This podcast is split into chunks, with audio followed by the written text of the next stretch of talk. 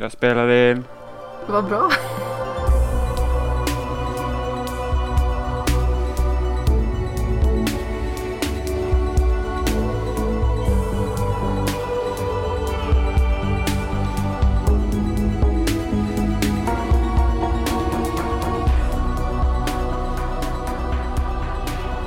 Hej och hjärtligt välkomna till den 38 episoden av Skämshögen med mig Amanda Sten i sedvanlig ordning och som oftast på andra sidan ensliga bergen Jimmy Seppele. Hallå. Hej. Jag höll nästan på att börja gäspa samtidigt som jag skulle säga hej. Vad trevligt. Mm. Det är precis som att eh, när vi startar spelsnack ibland så brukar du eller Johan, beroende på vem av er det är som programleder, ni kommer alltid igång så här hux flux från ingenstans och då är jag nästan aldrig förberedd så det är typ så här att jag har suttit och laddat för en rap eller börjar fnissa eller sådana grejer så då, jag vet så sent som häromdagen så satt jag verkligen och höll mig något in i bomben och typ gjorde mitt ansikte till ett russin för att inte brista ut i eh, gapskratt. Då frågan bara varför du sitter och laddar för en rap när vi ska börja podda. Ja men man behöver ju släppa ut saker ibland. Ja men precis i, eh, precis i startgroparna.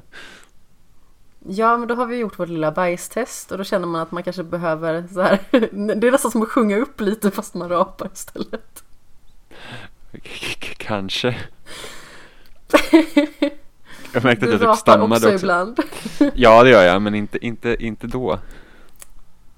Det har varit jobbigt om jag började att rapa när man ska börja avsnitten. Det hade Oliver kunnat göra i och för sig. Ja och värre. Rapa igång avsnittet. Ja. Och så bara oj nu kör vi och alla bara såhär ja. OK. Tiden är inne. Ja lite så. Hur är det med dig? Det är bra. Faktiskt. Faktiskt. Ja, ja men första, vi hade första eh, lektionen i skolan idag. För terminen. Ja, och hur gick detta? Det, det gick bra men det är så här bara åh nej vad jag inte vill göra det här. Varför Det är inte? ungefär så jag känner. Nej för att det är liksom, jag är egentligen klar. Jag, jag, jag har ju bara den här kursen nu för att jag ska söka jobb samtidigt. Jag var så att jag, jag orkar verkligen inte engagera mig. Det är så jag känner. Jag är bara så att nej, jag, jag är fan klar med skolan. Jag vill, jag vill bara liksom bort härifrån. Vilket inte är så börjar kul. jobba. Ja, men vilket som inte är kul att känna när man ska liksom så här, jag går ju ändå en C-kurs i engelska nu och då, då är det ju en del att göra liksom, att man, man måste ju vara skärpt. Vilket det kommer nog gå bra, men jag hoppas ju att jag kan hitta jobb relativt fort. Ändå. För att då är det bara så här, bye bye, nu gör jag det här andra saken istället. Ja men exakt. Men hur var klassen och så? Är det några som du känner sedan tidigare? Nej, det är alla nya ansikten. Eh, men klassen verkar vara relativt bra. Det verkar ändå kunna vara på en lite högre nivå än när jag gick sist en C-kurs. Det var den sämsta klassen jag gått i. Då var det Oj, på verkligen vilket vis? Ja men det var typ så här, jag förstår inte att ni har blivit godkända upp till den här punkten. Ungefär så kändes det. På grund av? Att de inte var bra helt enkelt. Det var ju bara Men två på vilket uppsatser. sätt inte bra? Alltså, Nej, men var alltså, de inte tillräckligt intelligenta inte, gör det de, inte gör det de ska. Liksom, det är sådana som har glidit med i utbildningen av andra, på andra människor som har gjort arbetet bättre. Ja, på deras bekostnad? Yes. Ja, Alltså, det var- okej. det var- Vad alltså, tragiskt. Av de som lade upp uppsatserna den våren så var det bara två som blev godkända. Av typ 16 elever. Oj, Ja. Men herregud. Ja. Så att, eh, mm, så var det. Vilken kurs sa du att det var? Det var medie och kommunikationsvetenskap C. Ja. Wow. Mm, ja, men det var verkligen så här, man bara shit. Alltså det var liksom inga ambitionsnivåer typ. man var okej. Nej men alltså det där har jag lite svårt att köpa ändå. Alltså ha- har man valt att studera en kurs i synnerhet på så himla hög nivå ändå som högskola. Då känns det som att då måste man i alla fall lägga manken till lite grann. Även om man nu har det som du till exempel att man studerar en kurs och söker jobb samtidigt. Jag vet ju hur ambitiös du är och liksom hur mycket du egentligen lägger ner tid på att göra saker ordentligt. Även att det kanske inte är ditt ultimata mål så sett. Mm. Men att så många människor liksom typ inte bryr sig känns som. Ja, men det, det är ganska, alltså man tror ju så här när man går upp en högre nivå hela tiden att man kommer liksom att, ja men nu är det så att nu kommer människor liksom jobba för det för de är här frivilligt, men det är liksom nej, det kommer alltid vara eh, folk som glider med, som inte liksom bryr sig. Ja. Nu har inte jag studerat på högskola. Men eh, jag minns första året på gymnasiet. Då var intagningspoängen 60. Oj! Kan du tänka dig hur lite det är? Det är Nej. inte ens godkänt i alla ämnen. Nej, gud nej. Det är väl bara godkänt i... Vad är det? Sex ämnen. Sex ämnen? Ja. Ja, nej, det är ju liksom katastrof. Men där kan Eller, jag... jag eller vänta lite nu. Var G 5 poäng eller var det 10 poäng? Jag kommer inte ihåg. De har ju ändrat det där nu också så det stämmer inte rent. Men jag kommer ihåg 30 poäng var ju för att man man behövde 30 poäng för att kunna komma in i, i eh, på gymnasiet och det var väl godkänt i matte, svenska, engelska. Då kan man gå liksom om man får plats någonstans. Ja okej, ja men då kanske det är för mig. 10 poäng i alla fall. Mm, men jag, Jag minns inte minns exakt. heller. Däremot så vet jag ju med mig själv att jag hade 305 poäng efter jag hade fått ta bort mitt sämsta ämne. Vad hade jag? 270 kanske? 280? Ja, så de här människorna som jag gick med, de var inte så jättesugna på att eh, studera per definition om man säger så. Mm. Men jag kan förstå att man är trött när man ska börja gymnasiet för att då är det liksom så att du har gått i skolan hela tiden. Du kanske inte haft en bra upplevelse i skolan. Men då är det bättre att faktiskt försöka göra något annat för att gymnasiet är ändå ett fritt val. Och visst, man kanske har press på sig hemifrån. Men eh, Mm, fast det beror på liksom vad, vad du går också. Det är så många hamnar ju liksom i samhällsorienterade ämnen för att det är det de kommer in på till slut. Och då är det bara mer av samma. Ja. Så du har kanske inte ens, du får inte ens göra vad du har ambitionen att du vill göra. Och massa andra problem. Men liksom Ja, är högskola sant. är, ju ändå Alltså där tar det ju ändå Många måste ju ta lån för att gå där och så. Så då får man ju liksom Då får man ju skärpa till sig och då är, de flesta är ju liksom vuxna människor då. Så att ja, eller i alla fall på legitimationen vuxna människor kan man väl lugnt säga. Så pass ansvarstagande så att man är liksom myndig och förmodligen i alla fall har haft ett jobb någonsin. Ja, men sen jag har ju liksom haft, alltså när folk typ har frågat varför jag fortfarande studerar eftersom jag har haft tillräckligt med poäng nu i två eller tre terminer tror jag. Och jag säger men jag tycker om att plugga också, jag tycker det är kul. Och då vissa säger bara va? va? Hur tycker du det? Och man bara, men jag bara tycker det liksom. Det är väl inte så himla konstigt att tycka att det är kul att plugga? Nej, liksom, jag skulle inte plugga om jag inte tyckte det var kul. Men samtidigt nu är jag verkligen redo att vara klar, känner jag. Nu, alltså det, jag kände det verkligen och jag var såhär bara, nej. Nej, alltså nej. För Jag- du har ju studerat ganska så många år. Ja, jag är, in, jag är inne på mitt femte, alltså jag började mitt femte år kan man säga. Jag har studerat Ja. fyra år. Så jag började mitt femte. Och det är ju liksom, uh, Men precis, det är dags på något vis. ja, ja men precis. Men alltså jag har ju studerat en grej efter gymnasiet. Och det är ju förvisso en eh, helt annan grej. Eh, Men det är ju när jag studerade till personlig tränare. Och eh, det är ju en utbildning som man betalar rätt och slätt. Liksom. Mm.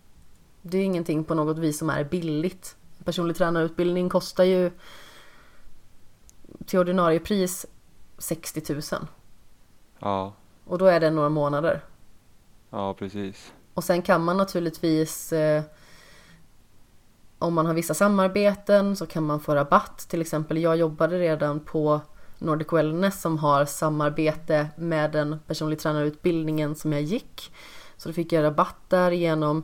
Eh, och sedan så kan man ju dela upp det så att man delbetalar den här summan som man behöver inte betala hela på en och samma gång.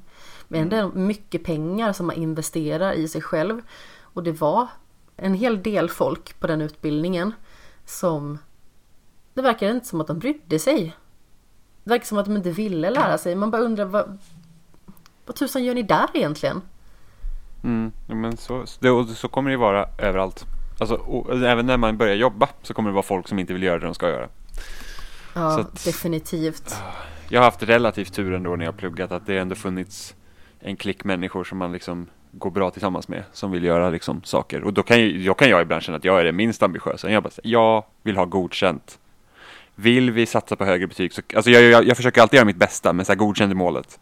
För att högre betyg spelar egentligen ingen roll. Bara för en själv egentligen.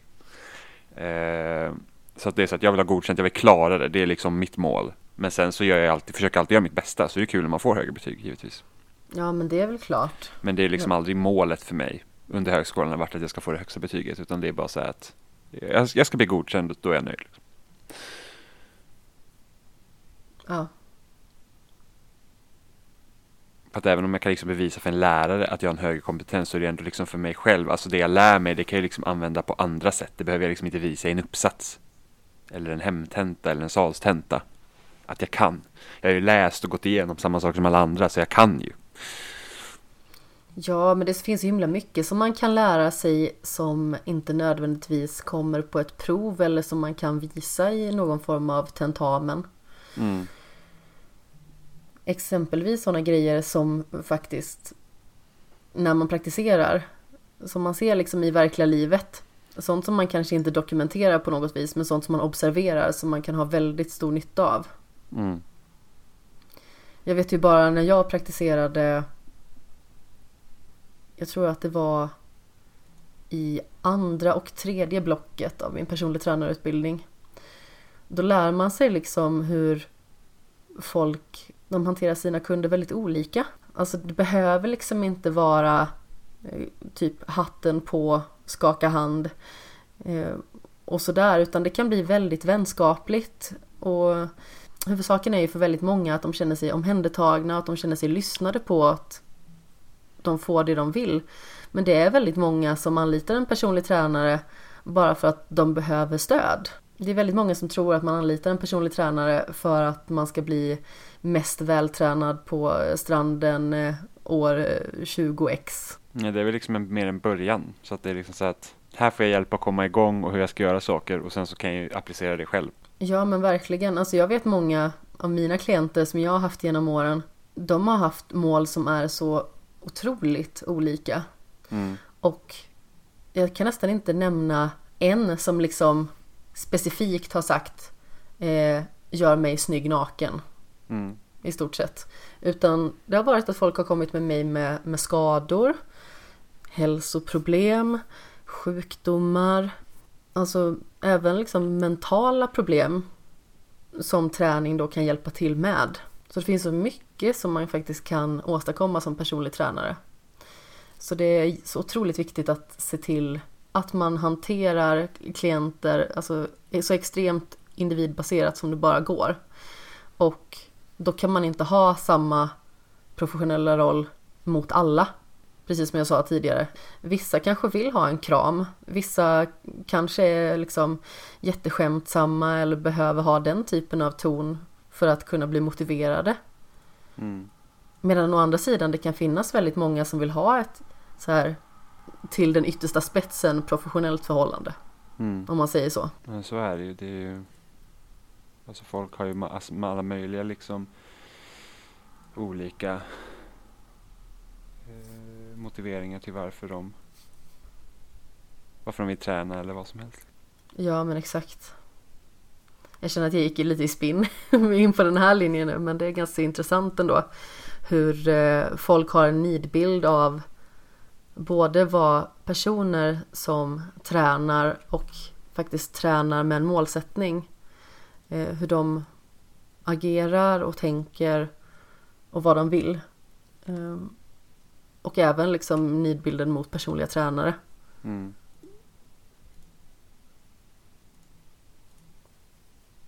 Och jag vill ju personligen ses som en person som man kan lita på. Som har kunskapen att kunna ta personer dit de vill. Mm. Och liksom kanske inte bara en, en visuell förebild. Så som många kanske kan tänka sig att en personlig tränare också kan vara. Alltså någon som är jättevältränad eller jättesmal. Liksom den typen av motivation. Sen så är helt övertygad om att det finns väldigt många som tränar med vissa personliga tränare för att de är snygga. Mm. Det är liksom, det tvekar jag inte en sekund på att det finns. Men eh, det är inte liksom den enda anledningen till att folk anlitar en personlig tränare. Det är liksom inte snygghet och eh, smalhetsfaktorn. Åt något håll. Nej. Apropå träning så måste jag bara korrigera min sits lite grann för att jag eh, tränade ben innan. Och eh, har rätt beklämmande träningsverk alltså. Jag förstår. Ja, men det var ju nämligen så här att jag tränade för min kollega häromdagen och han har en tendens att vara en, eh, ursäkta språket, men elak jävel. Han har alltid något nytt i görningen som kommer vara jättestyggt och eh, han säger alltid liksom efteråt bara ja ah, det såg bättre ut på pappret och man bara mm, jag kan inte gå. och så var det i måndags för då körde vi som avslutande 20 minuter på det här entimmespasset. 20 minuter så många ronder som möjligt av 500 meter rodd eller 400 meter löpning. Och att löpa på bandet är eh, inte så bra för mig. Eh, just för att jag behöver vara mer rörlig. Så att liksom springa ganska så frigående i cirklar eller sådana grejer, det, det, funkar ganska så bra. Men eh, oftast när jag springer på löpband så blir det för stötigt och monotont och då får jag problem med min hälsena. Mm. Eh, så jag rodde och sen så var det dessutom 50 knäböj emellan varje av de här 500 metrarna rodd. Och det är extremt mycket böj i knäled, fotled och höftled. Så mina ben var ju praktiskt taget stelopererade när jag gick därifrån. Jag vaggade därifrån som en jäkla anka. Jag måste sett ut som ett jon. Och så tänkte jag idag liksom att jag är sugen på att träna ben. Det är roligt att träna ben. Det var ett tag sedan jag liksom körde så här riktigt dedikerat knäböjspass. Så då tänkte jag skulle gå och göra det och typ efter första repetitionen så ångrar jag mig men då kan jag ju liksom inte vända tillbaka. För att nu har jag ju redan börjat. Ja. Eh, jag gick krabbgång ner för trappan. Så jag gick i sidled för att jag hade så ont i framsida lår. Nej, äh, för fan. Man, typ så här, man, bara, man bara lägger sig ner och rullar ner för trappan istället. Ja, men det är typ så här, jag ger upp nu. Ta mig hem. Till och med katterna kollar på mig som jag var konstig. Mm. De bara såhär, oh du är hemma, har du mat, vad har du gjort? ja, bara, ja, här ser ju inte lovande ut för vår liksom middag. Ja, precis, här blir det ingen lådtömning ikväll. Nej. Ska jag gå och bajsa i den där? Ja. Ja, oh, himmel och pannkaka. Men apropå att gå, höll jag på att säga. så har jag eh, spelat ett spel som heter Lara Croft Go. Mm. Och eh, det var faktiskt så att jag laddade ner det precis innan jag skulle åka ifrån dig sist och så började jag spela det på tåget. Mm. Och jag hade liksom inga direkta förväntningar på det. Jag hade inte sett så himla mycket av det utan det var mest så här Jag behöver ett lite trevligt spel att spela på tåget för att kunna slappna av, eh, låta tiden gå och sådär. Och jag varvade det med ett annat spel som eh, vi kommer att prata om lite grann senare. Men eh, Lara Croft Go var riktigt roligt. Och det är ju helt sonika att man rör sig i eh, mönster skulle man kunna säga.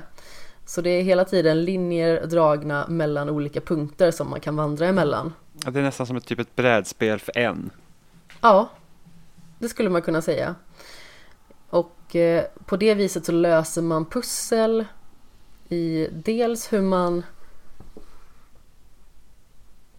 ska attackera olika typer av fiender, hur man ska ta sig eh, över vissa typer av hinder.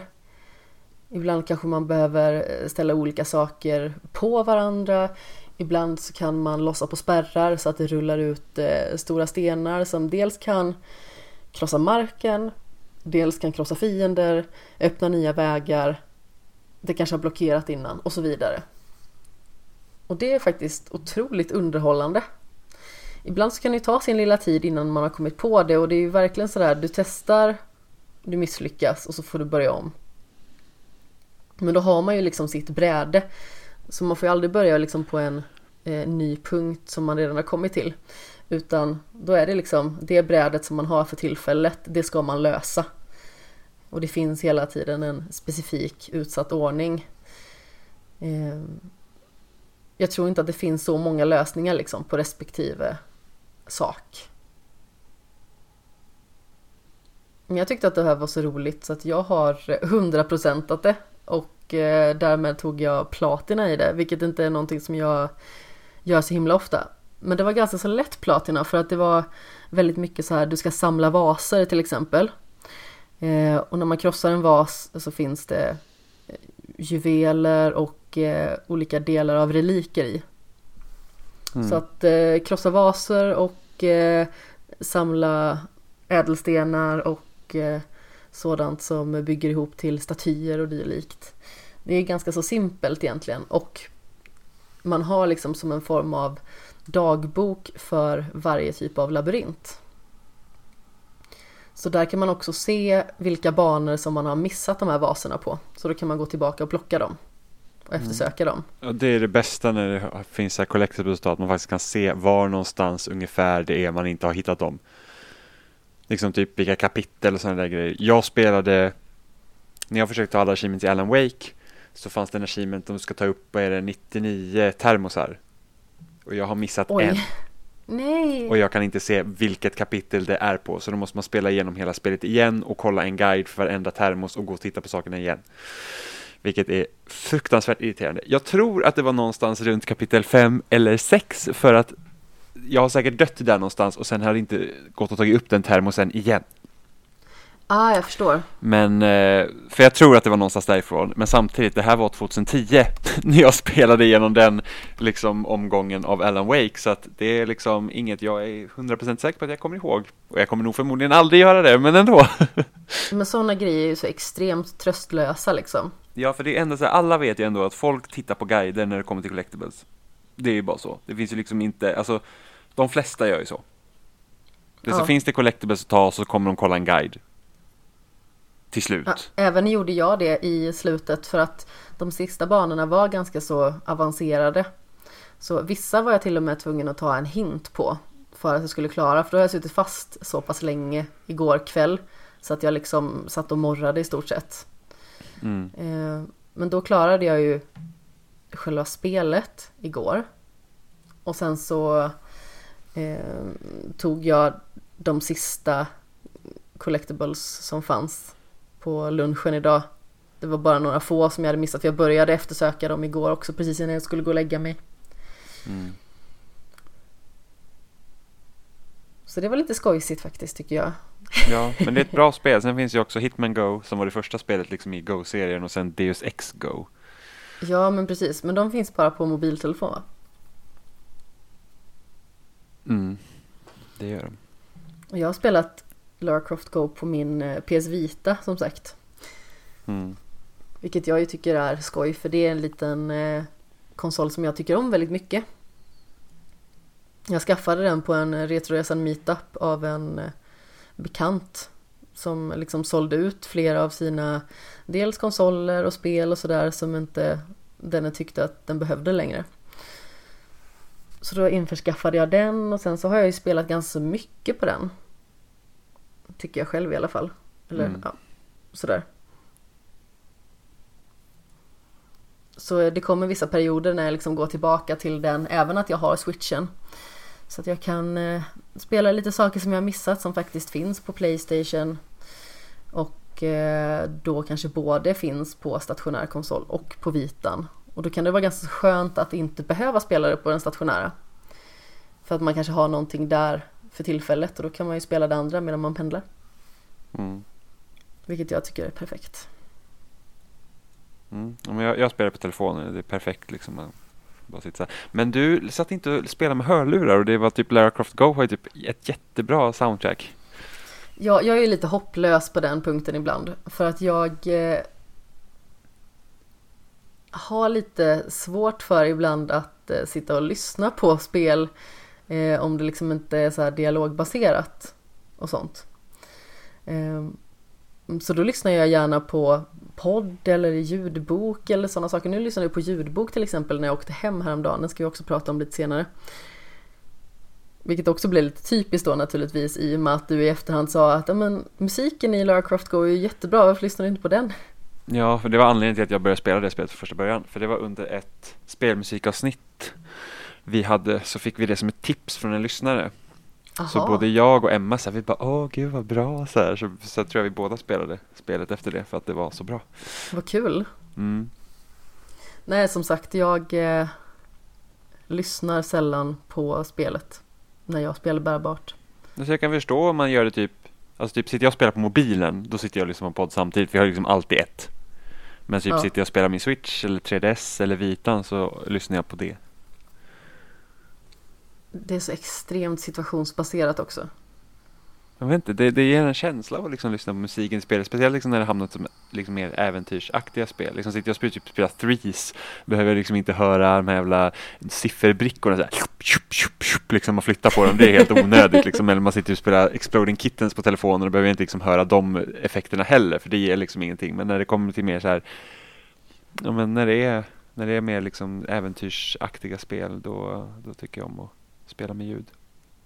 Ja, jag har ju spelat till exempel The Wolf Among Us med eh, min PS Vita. Och då naturligtvis lyssnar jag ju på spelet. Ja, det hade, det, jag, hade, jag hade börjat undra vad det är för person. Du bara säga, men då lyssnar jag på en jättebra ljudbok. Och man säger bara, men vad, varför spelar man Wolf Among Us om man lyssnar på ljudbok samtidigt? Nu gjorde inte du det, Precis. men det hade ju varit lite galet. Ja. Men som sagt, den typen av spel, där lyssnar jag naturligtvis på vad spelet har att erbjuda. Men ibland tycker jag att det kan vara skönt att göra flera saker samtidigt. För att sådan är jag och eh, det kanske gör mig till en eh, människa som man inte kan lita på. Jag vet inte. Men jag tycker det är skönt i alla fall att eh, i ett spel som Lara Croft Go till exempel där det handlar väldigt mycket om att lära sig mönster och sådant. Då behöver inte jag lyssna på spelet. Nej, men alltså pusselspel är ju egentligen, alltså det är ett bra, det är en bra typ av spel där man inte behöver liksom lyssna på spelet om man säger så. Ja, Så att du har ju liksom inte fel. vad skönt. Tack så jättemycket Nej, för att du vad- godkände mig nu, att jag inte har fel här. Varsågod! Så vänligt. Men på min PS Vita så har jag också spelat Papers, Please. Och det var det jag avslutade i lite lätt frustration. Det var liksom inte det att jag var förbannad på spelet och typ försökte kasta det åt fanders, utan det var mer så här att Åh nej, nu orkar inte jag med det här. Jag behöver spela något annat och det var därför jag plockade upp Lara Croft Go från första början. Um, Papers, Please handlar ju i mångt och mycket om en gränskontrollant som man då spelar som. Så man ska sitta och eh, kontrollera pass och eh, ID-brickor. Efter ett tag så får man även eh, arbetsintyg.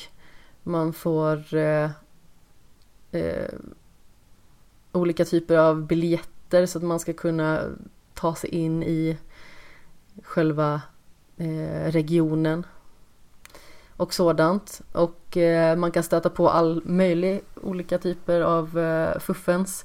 Det vill säga att eh, det kan vara att namnen inte stämmer överens, att man har en eh, eh ett ID-kort och sedan så kanske man har passet men namnen är olika.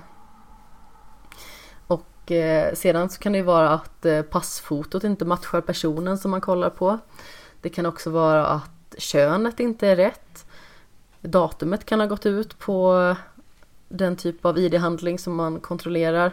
Så det finns ju jättemycket att kolla på hela tiden och eh, noggrannheten ökar ju i mångt och mycket hela tiden också i och med att det blir svårare och svårare för varje dag.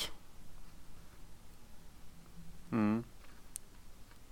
Och samtidigt ska man ju liksom tjäna pengar och se till att sin familj klarar sig. Ja men precis, för man eh, bor ju och har det ju inte så himla fräsigt helt Nej. enkelt. För det utspelar sig typ en så fikt, ett fiktivt Sovjet liksom. Ja, exakt. Så det är ju dels väldigt hårda res- restriktioner. Så om man skulle inom citationstecken släppa in fel person, då får man en varning. Sedan så får man en varning till.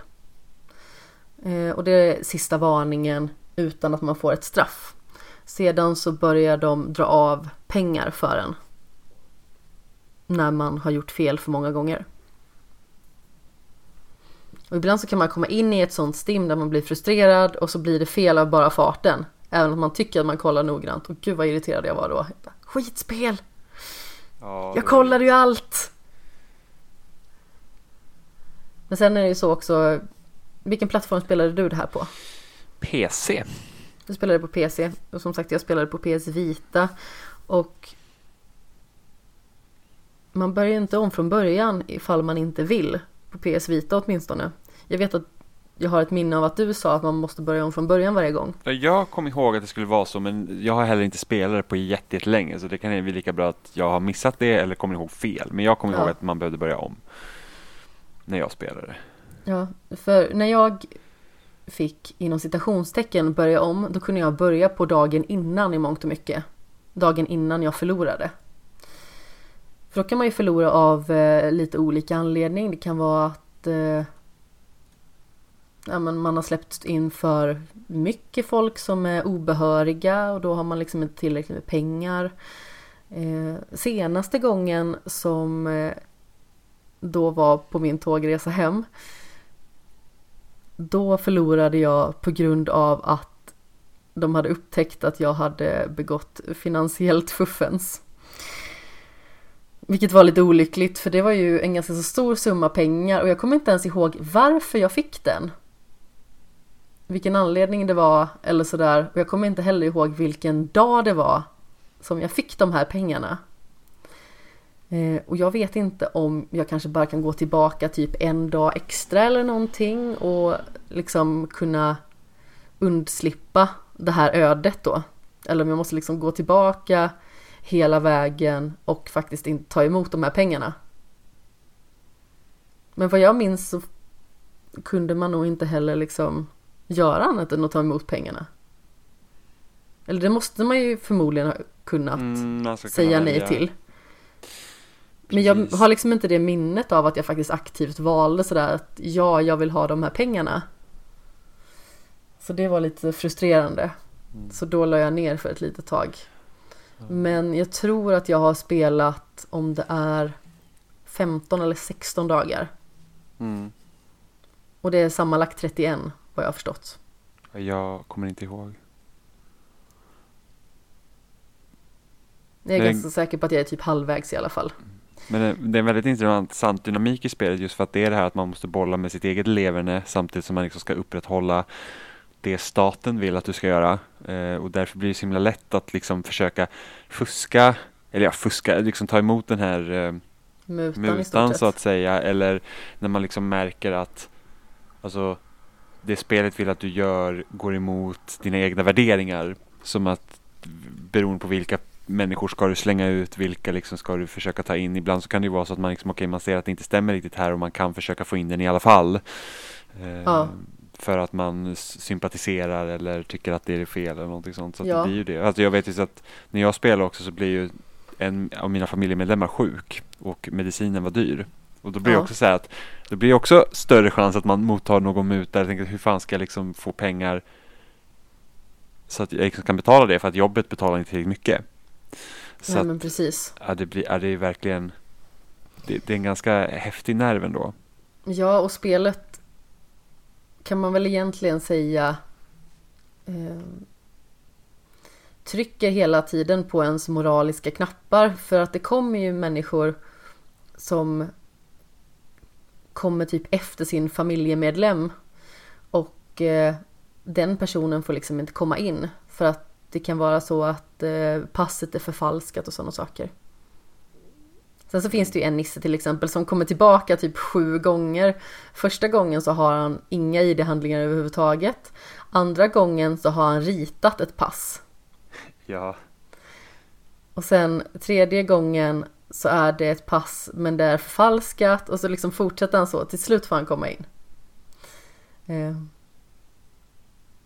Så det är ganska roligt på det sättet också att eh, det finns inte bara mörker i spelet utan det kommer liksom den här nissen som har liksom i stort sett ritat sig själv på passet och hittat på ett land som man skulle komma ifrån. ja.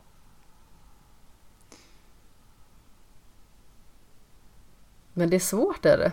Det är väldigt svårt. Det är ytterst svårt där och speciellt om man ska hålla reda på allting för att det är så lätt att man missar någonting. Ja, och sen så tänkte jag också sådär, för jag hade det tydligen på min PS Vita och jag måste ha fått det på Playstation Plus eller någonting någon gång i tiden. Ja, För att jag kollade liksom- Att jag varit med där. Jag kollade i min nedladdningslista av spel. Och bara, Åh, där finns ju Papers, Please, har jag det? Tänkte jag liksom sådär, "Ja, ja men fasen jag... Det är lika bra att köra det och så kollade jag liksom på How long to beat och så stod det typ så här tre timmar eller någonting. Bara så här, men det var härligt, ett lite kortare spel. Jag är väldigt nyfiken på hur många timmar jag faktiskt har spelat i det för jag har ju fått börja om en hel del gånger. För det tog lite tid innan man faktiskt kom in i det analytiska i spelet och man faktiskt var ännu mer noggrann. Mm. Och det finns ju så himla många faktorer efter ett tag. Det finns sådana som eh, ska komma in i landet för att de är diplomater.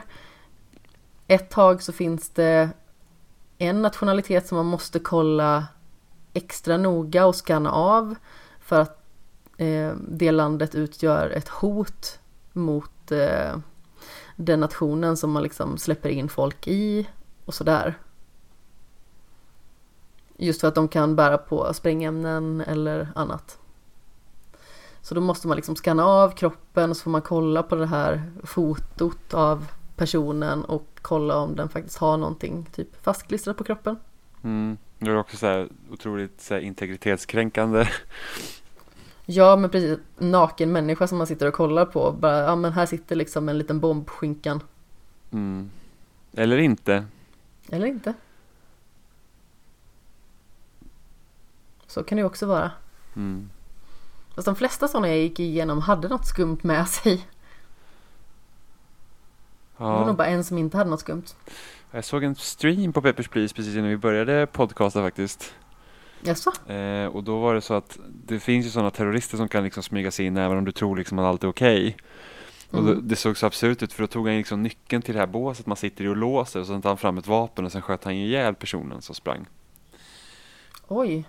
Ja, det såg ju väldigt så här, för det, det var något som inte jag visste att man kunde göra. Jag tror inte att man kunde skjuta något, men då var det så här, oh shit, lås, liksom stäng ner liksom centret, ta fram det här vapnet och bara knäpp den jäveln liksom.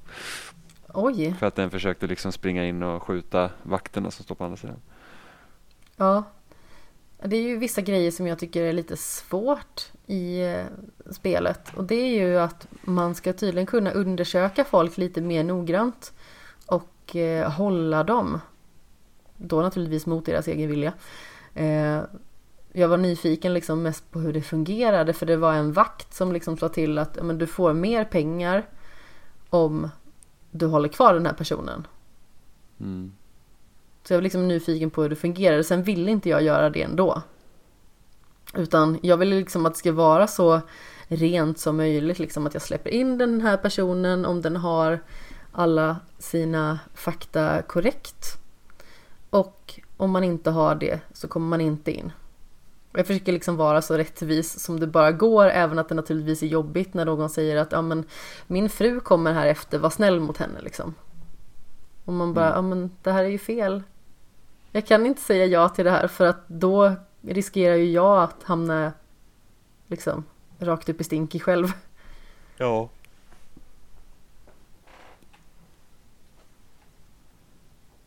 Det var inte så långa landningstider i det här för övrigt. Jag glömde att säga det innan. I Lara Croft Go var det horribla laddningstider.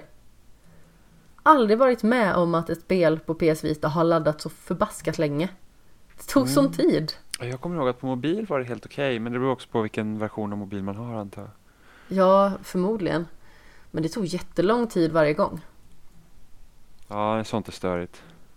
Ja, men jag menar att det är ju liksom inte ett så jättetekniskt krävande spel. Alltså varken liksom själva spelmekaniken i sig eller på den visuella fronten så är det krävande. Så det känns ju liksom som att det här borde inte ta så förbannat lång tid att ladda.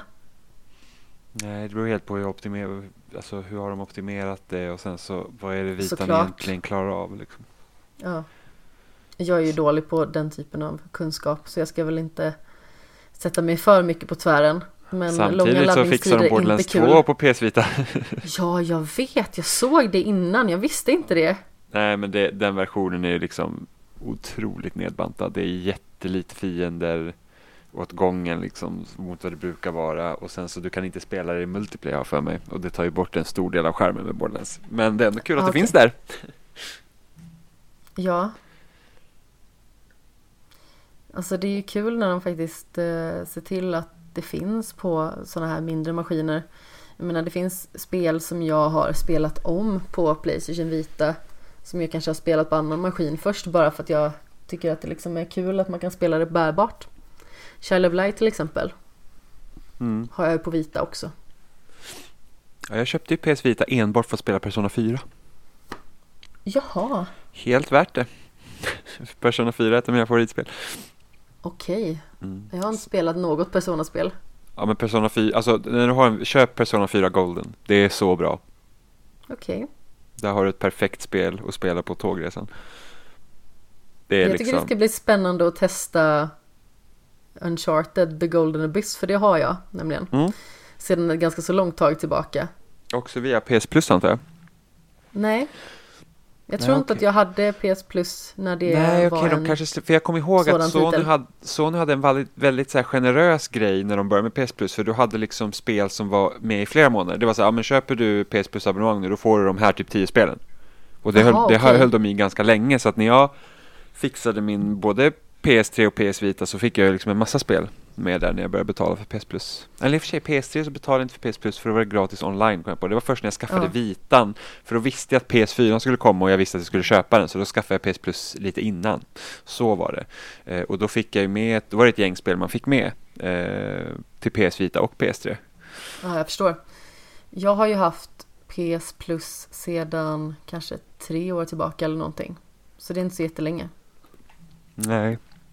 Ja, Jag har ju det enbart för att jag ska kunna spela online. Nu spelar jag knappt online på PS4 överhuvudtaget, men det är så att jag vill inte känna att någon gång att man så här, ja ah, men nu vill jag spela här, så, nej jag kan inte. Man bara, aha. Så att eh, det, det är därför jag betalar för. Jag Jag bryr ju mig inte om de här lite gratisspelen. För att det är liksom, jag, ofta är spel jag inte bryr mig om eller redan har. Ja, det är ju därför jag har funderat på att faktiskt säga upp mitt Playstation Plus abonnemang. För att jag använder liksom inte nästan någonting.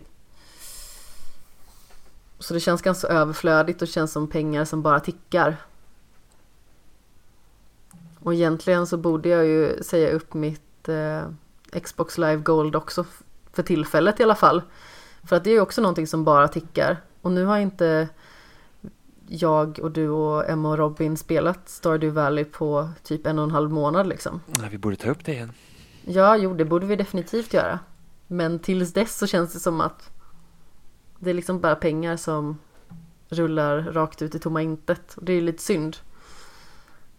Sen så ska ju du och jag spela annat i eh, kooperativt läge. Ja. Alltså jag spelar ju så mycket multiplayer så det är därför jag liksom alltid har det på. Det gör ju inte jag. Jag spelar ju nästan inget. Men det är så roligt multiplayer. Alltså det är perfekt att ha så man känner så här att ah, men nu vet inte jag riktigt vad jag ska spela så startar jag typ Halo eller något sånt som man liksom känner sig bekväm med. Det är så kul att spela multiplayer. Jag har alltid varit intresserad av multiplayer så alltså, även när jag bodde hemma och vi inte hade riktigt bredband så liksom jag fixade ganska tidigt så här när vi hade mobilt bredband och liksom dela mellan laptop och konsol. Så jag typ hade någon så här Telia, typ Telias första dongel, det var skitseg liksom. och, och delade internet, så jag spelade första Skate i multiplayer, vilket fungerade helt okej. Okay. Halo 3 fungerade mindre bra, liksom man kunde dö och sen så fick man sitta och stirra på sin dödskärm i typ så här en minut. Så, så ledde man och sen så eftersom man inte kunde spela då på en minut eftersom spelet måste bara oj, nu har något hänt. Så, så, så hade alla gått förbi en under den minuten. Så det har varit mycket lagg i mina dagar, har jag varit med om. Men, eh, men jag har ju alltid varit fascinerad av multiplayer. Liksom. Det var som att när jag typ önskade spel när jag var liten, så här julklapp på födelsedagspresent, så brukar jag alltid önska spel som jag visste att jag och min syster kunde spela tillsammans.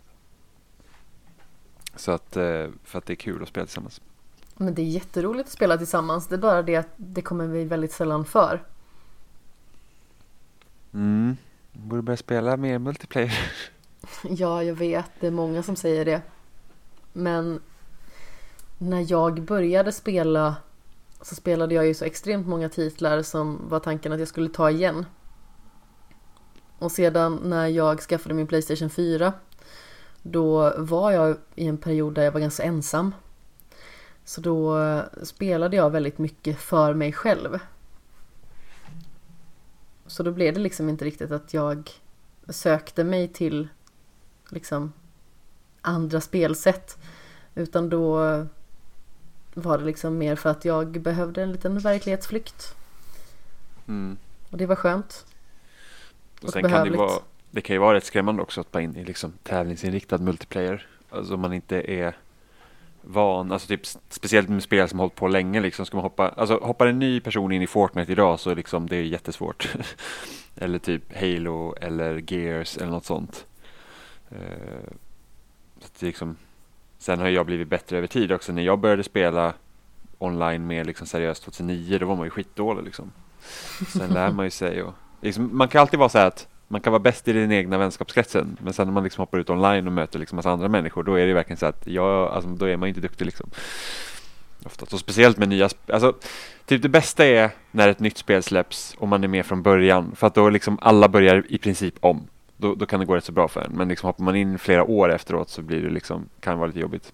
Så ibland har det varit så här spel som man återbesöker. Så här, oh, jag har inte spelat det här på typ ett och ett halvt år. Nu ska jag spela det i multiplayer online. Och sen så man bara, mm, jag kommer ihåg att jag var duktig på det här. Nu går det inte alls bra för att det sitter de som liksom sitter och spelar hela tiden och när spelen har varit ute så länge så är det nästan bara de som är kvar.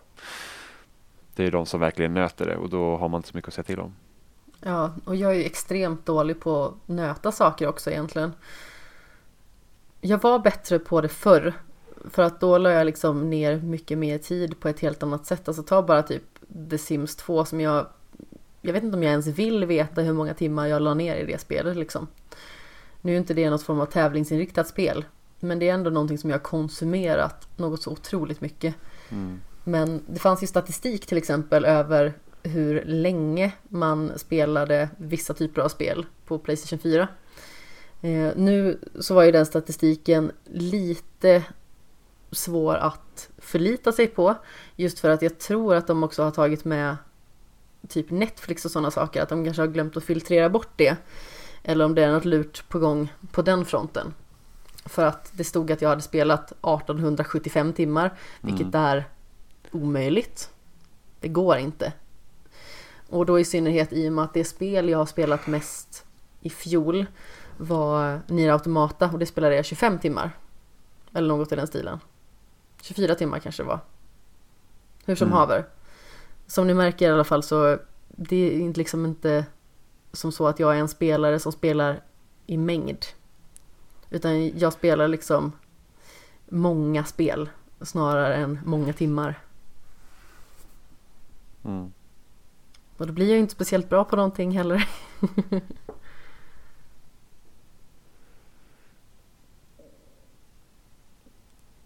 Så jag har ju liksom inte nött något spel på det sättet som väldigt många andra har gjort. Även Nej. att det hade varit roligt. Ja, och jag är ju sån som gillar också att spela många olika spel så jag stannar ofta inte vid ett spel liksom så. Men ofta har jag ett multiplayer-spel jag spelar och sen har jag något annat spel. Som ja, men någonting att komma med. tillbaka till. Ja, så just nu har det varit sen typ i december så har jag spelat Halo.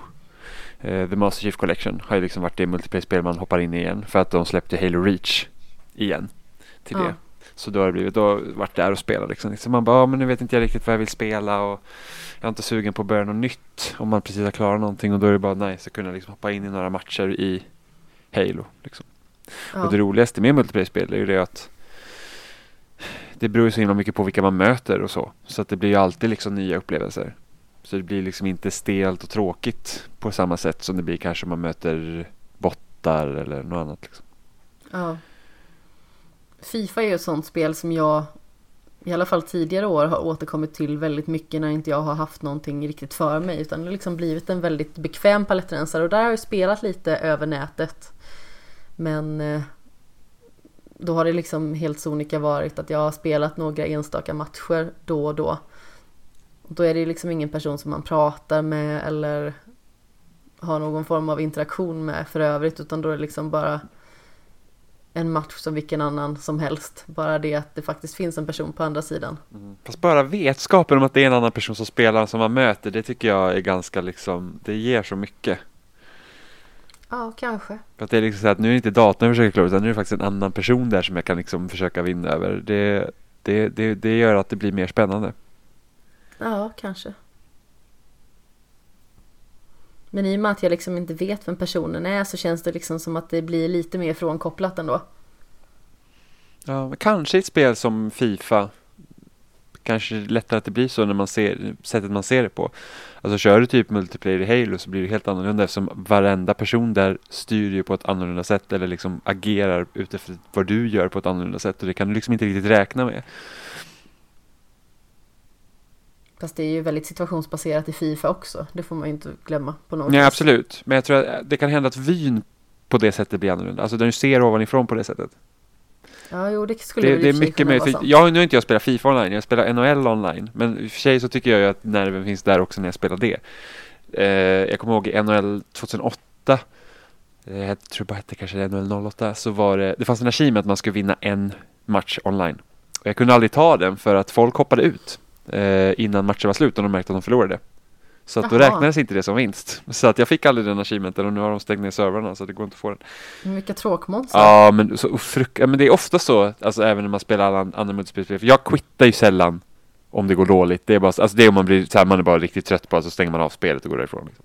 Men eh, oavsett hur liksom påpucklad man blir i de här spelen så, så är det så att ja, man är kvar tills det är slut.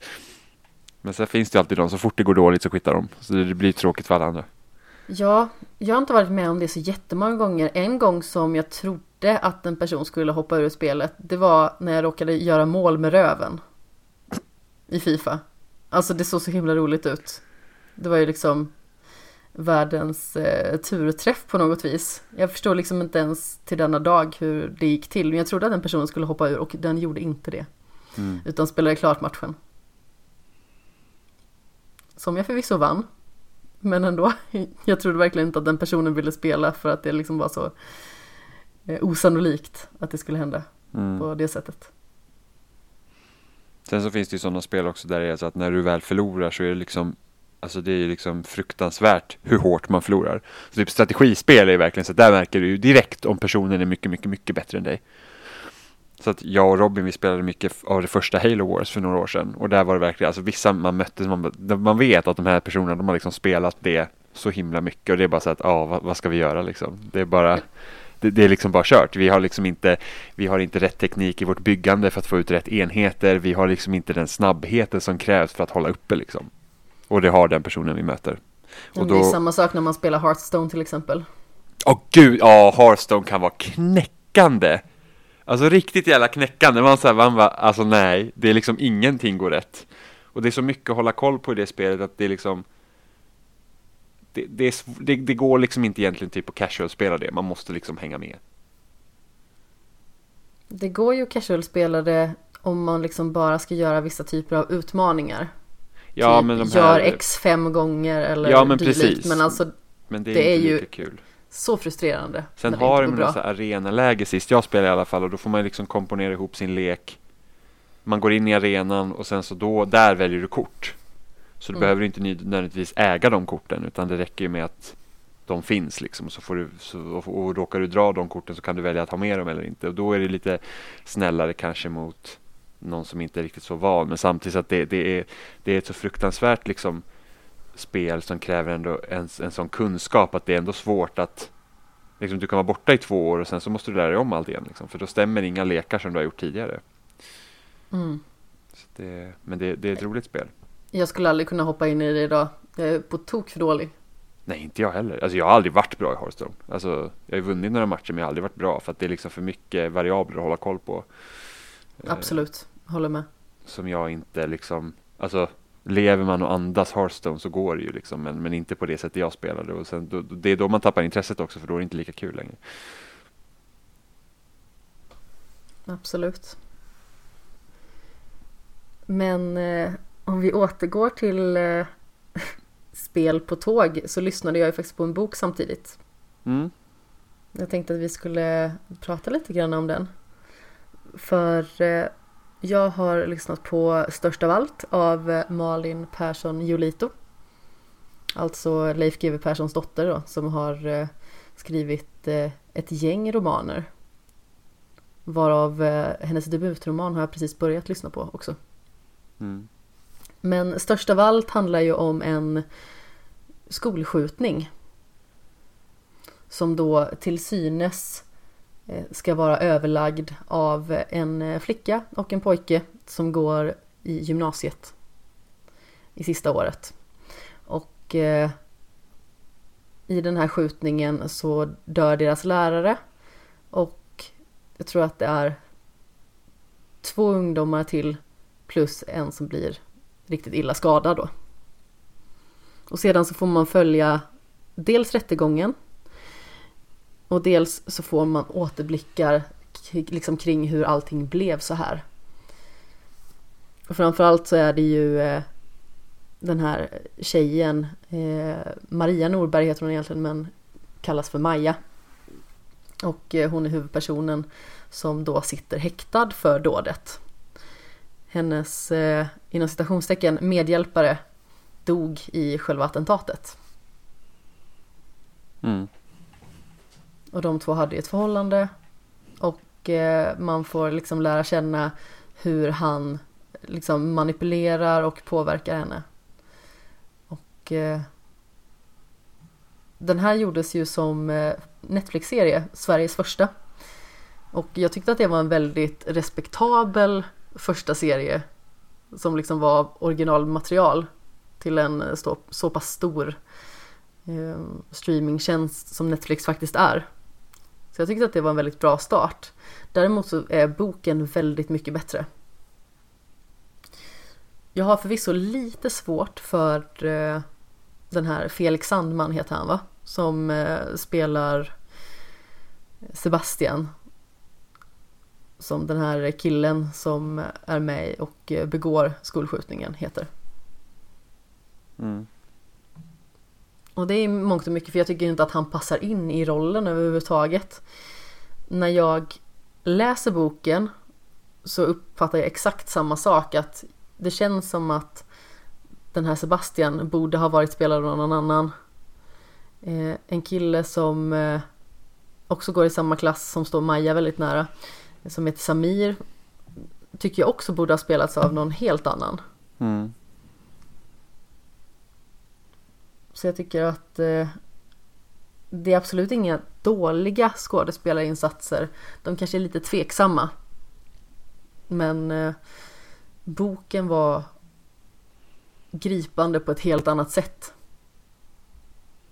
Jag tycker att den fångar tag i en och eh, som sagt, det är inte så himla konstigt för en bok är mycket mer intrikat och har utrymme att göra längre utsvävningar. Mm. Speciellt när du kan liksom få Du kan ju läsa om vad personerna känner och tänker vid varje givet tillfälle på ett annat sätt än vad du kan göra i film eller serier. Ja, och det kändes väldigt betydelsefullt i det här verket. Att man får veta vad Maja känner. Mm. Hur hon mår, vad hon går igenom, vad hon tänker. Och med tanke på vad som faktiskt senare sker i eh, den här romanen så tycker jag att det är väldigt viktigt att få veta. Mm. Men återigen, själva filmatiseringen eller den här serien då som finns på Netflix att se. Det är en bra serie. Absolut.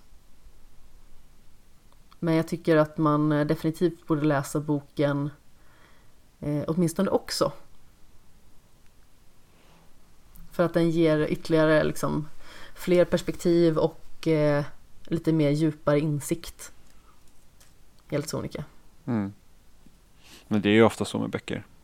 Ja, självklart. Jag känner mig fortfarande så här, det enda jag känner att här kan man se filmerna istället för att läsa böckerna, det är Sagan om ringen. Ja, Och jag vet att folk blir typ sura när man säger det, men jag känner verkligen att de, den filmatiseringen av Sagan om ringen-filmerna, jag tycker den den är liksom ett gott substitut för att inte läsa böckerna. men herregud, det är vill. fantastiska filmer. Ja, ja inte. Hobbit-filmerna dock. De, Nej, nej, där, de räknas läs, läs Bilbo. Den är mycket, mycket bättre än filmerna. Ja, men alltså Hobbiten är en bra bok. Det är en jättebra bok. Men eh, Hobbit-filmerna är... Eh, hur ska jag beskriva det? Fruktansvärda.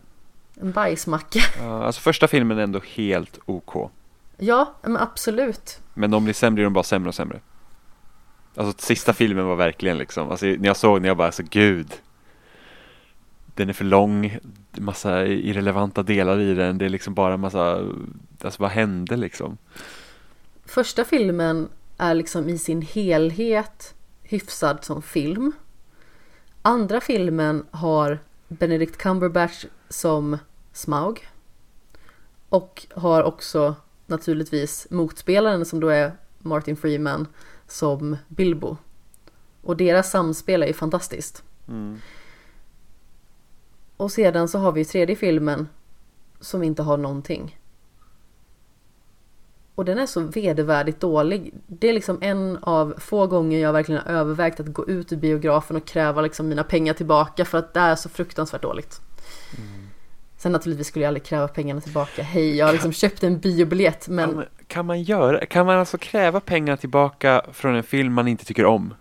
Det tror jag inte att man kan. Nej, jag kan anta att man får kräva pengar tillbaka om det är stök i salongen. Ja, alltså om det skulle vara att eh, att någonting sker, då skulle man säkert kunna kräva pengarna tillbaka. Mm. Men inte på grund av missnöje. Utan det var mer min känsla, helt sonika. Att det är liksom nästan så här att jag vill ha pengarna tillbaka för det här är så mycket slöseri med tid att se den här filmen. Alltså bara en sån sak som det här eh,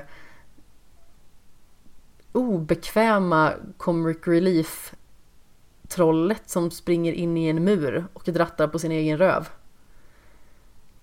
Alltså jag blir typ arg när jag såg det. Mm.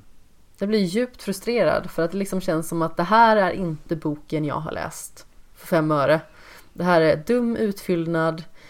Det är inte på något vis intressant. Det finns liksom ingenting spännande att dra ur någon sekvens i den här filmen. Och det värsta av allt, det är ju att, spoiler, draken dör de första fem minuterna. Så en av de bästa sakerna försvinner. Mm.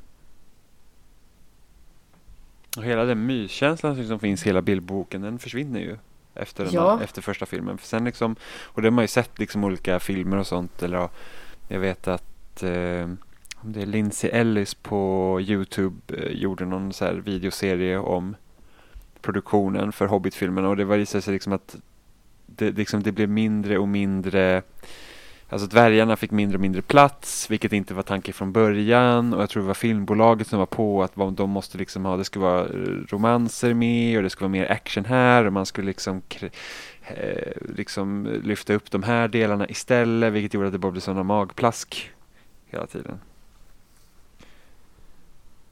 Ja, och sen så känns det som att i och med att Peter Jackson liksom har Sagan om ringen-trilogin i ryggen så kändes det som att det behövdes att göra någonting som var liksom lika bombastiskt och storslaget och verkligen som tar folk med storm.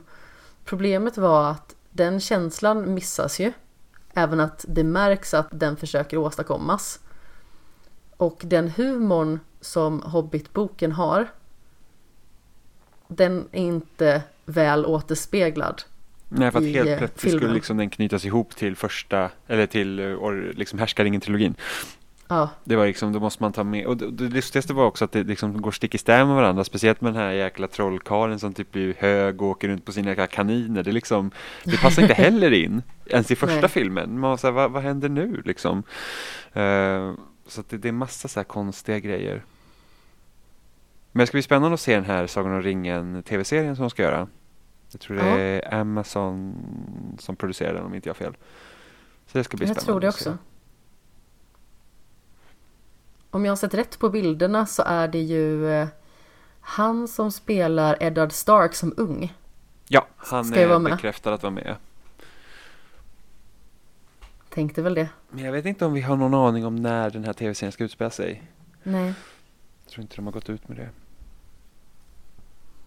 Nej, jag vet bara att det är jättemånga som har delat på Facebook att de söker korta människor. Till att spela typ orker och sånt. Mm. mycket besynnerligt. Jag vet inte, ett tag så fick jag upp det typ varje dag att det var någon som hade kommenterat eller delat det där. Mm.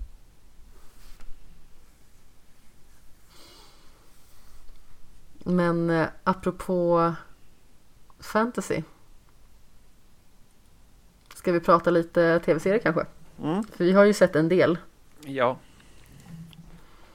Tänker att nu lämnar vi allt vad tågresan där därhän. Och eh, går in i True Blood tänker jag att vi börjar med. Mm. Också saker med vassa tänder. Ja. Till Det här är en skillnad, serie som jag har sett innan. till skillnad från vilka andra vassa tänder? Nej men alltså det är ju många fula karaktärer i, eh, i både Hobbit och eh, nu förstår jag kopplingen. Sagan om ringen som har Mm. tänder tänker jag. Ja, Drakar och eh, orcher och urukai och skit. det är första gången jag ser den. Mm. Och vad tycker du? Alltså det var inte riktigt vad jag hade förväntat mig faktiskt, för jag trodde att den skulle gå mer in på liksom vampyrsamhället, att det är liksom vampyrerna som är i fokus snarare än de vanliga människorna, och det är precis tvärtom.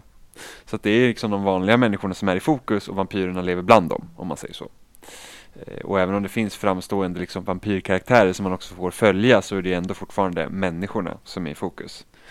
Eh, och sen gör den väl lite det som alla andra de här typ Alltså när det handlar om vampyrer som Twilight eller eh, typ Vampire Diaries att det finns ju massa andra magiska varelser också och sånt i liksom samhället. Vilket gör att det blir så himla mycket större än bara liksom fokus på vampyrer. Så det, det var också något som var helt nytt för mig. Eh. Ja, jag vet inte riktigt hur jag ställer mig till det där liksom ända till denna dag. För jag såg ju det när det var ganska så nytt och följde det liksom från att jag tror det var säsong två släpptes. För då började jag kolla, för det var min bror som tipsade mig om att jag borde se True Blood. Mm. Och då har jag liksom sett de här typerna av andra varelser och bara liksom känns det att ja, men vissa passar in, vissa passar inte in lika bra. Eh, Och ibland så känner jag bara att det hade varit skönt om det bara hade varit vampyrer. Mm. Att det är liksom De Då känns så att- centrala. Ja, och då känns det som att det kan finnas någon logik bakom det hela. För att jag, alltså, risken med att man har massa sådana här varelser med är ju det att man kan lösa många av problemen i, i, i en serie eller en berättelse då genom att ja, men den här personen är så här nu, till exempel. Inte för att jag säger att första säsongen av det gör det, men det kan bli lätt så liksom i framtiden. Nu har inte jag någon aning, som vi har bara sett Absolut. första säsongen. Men liksom att det är så här att okej, men vi behöver lösa det här, eller att oj, den här, vad ska vi göra med den här personen nu? Eh, den får vara så här istället.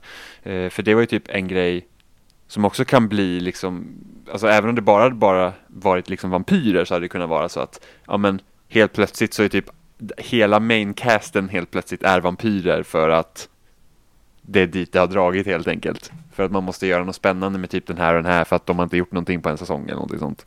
Mm. Eh, så att, men en sak jag också funderar över för att jag måste ändå säga att True Blood när den kom och var ny så måste ju ändå den ha räknats typ som prestige-tv. Alltså det måste ju ändå ha varit liksom en av de hetaste serierna där liksom HBO som nätverk är ju liksom inte ABC eller någon av de eh, vanliga kanalerna utan det, det, är liksom, det är lite högre upp. Alltså det är ändå HBO har gjort The Wire och Sopranos innan det här liksom. Eh, men hur, hur mycket den ändå känns som en ungdomsserie var också förvånande. För den, liksom, om man jämför med dagens typ prestige-tv så tänk, ja men typ Tänk True Detective eller Chernobyl eller liksom de här serierna som är liksom som, som bara liksom osar liksom kvalitet på, vad ska man säga, kanske en, en, en, en högre nivå. Jag vet inte om det är rätt förklaring, eh, om om du förstår vad jag menar. Jag Eh, förstår vad du menar. så känns ju det här mycket, det, det känns som en ungdomsserie ändå, trots att den är lite råare typ än Vampire Diaries eller till och med Twilight exempelvis. Ja, jag, jag tyckte nog inte att den kändes lika mycket utpräglad ungdomsserie när jag såg den. Som jag kanske gör nu. Det kanske beror på att hej, jag är äldre också. Mm, och man har sett Men- massa annat. Exakt, det har kommit så himla mycket nytt som faktiskt liksom man håller högre i rang Mm. på något vis än eh, exempelvis då True Blood. Men jag tyckte att när True Blood kom så hade den ju väldigt högt produktionsvärde. Alltså den gjorde saker som liksom inte riktigt kändes så konventionella. Jag tyckte liksom inte man kunde lista ut från avsnitt till avsnitt vad det var som skulle hända. Plus att avsnitten är ju liksom inte ett avsnitt i taget utan de går ju in väldigt mycket i varandra. Mm. Inte nödvändigtvis att det är cliffhangers, vilket det naturligtvis finns. Men det är verkligen inte Monster of the Week TV. Nej, precis. Och det var ju väldigt vanligt på den här tiden. Liksom. Mm. Eh, Lost var ju typ en sån serie som var väldigt eh, det blev ju väldigt mycket så att den var inte från vecka till vecka utan där var det ju så att missade du några avsnitt sen så kunde du liksom vara helt borta i plotten.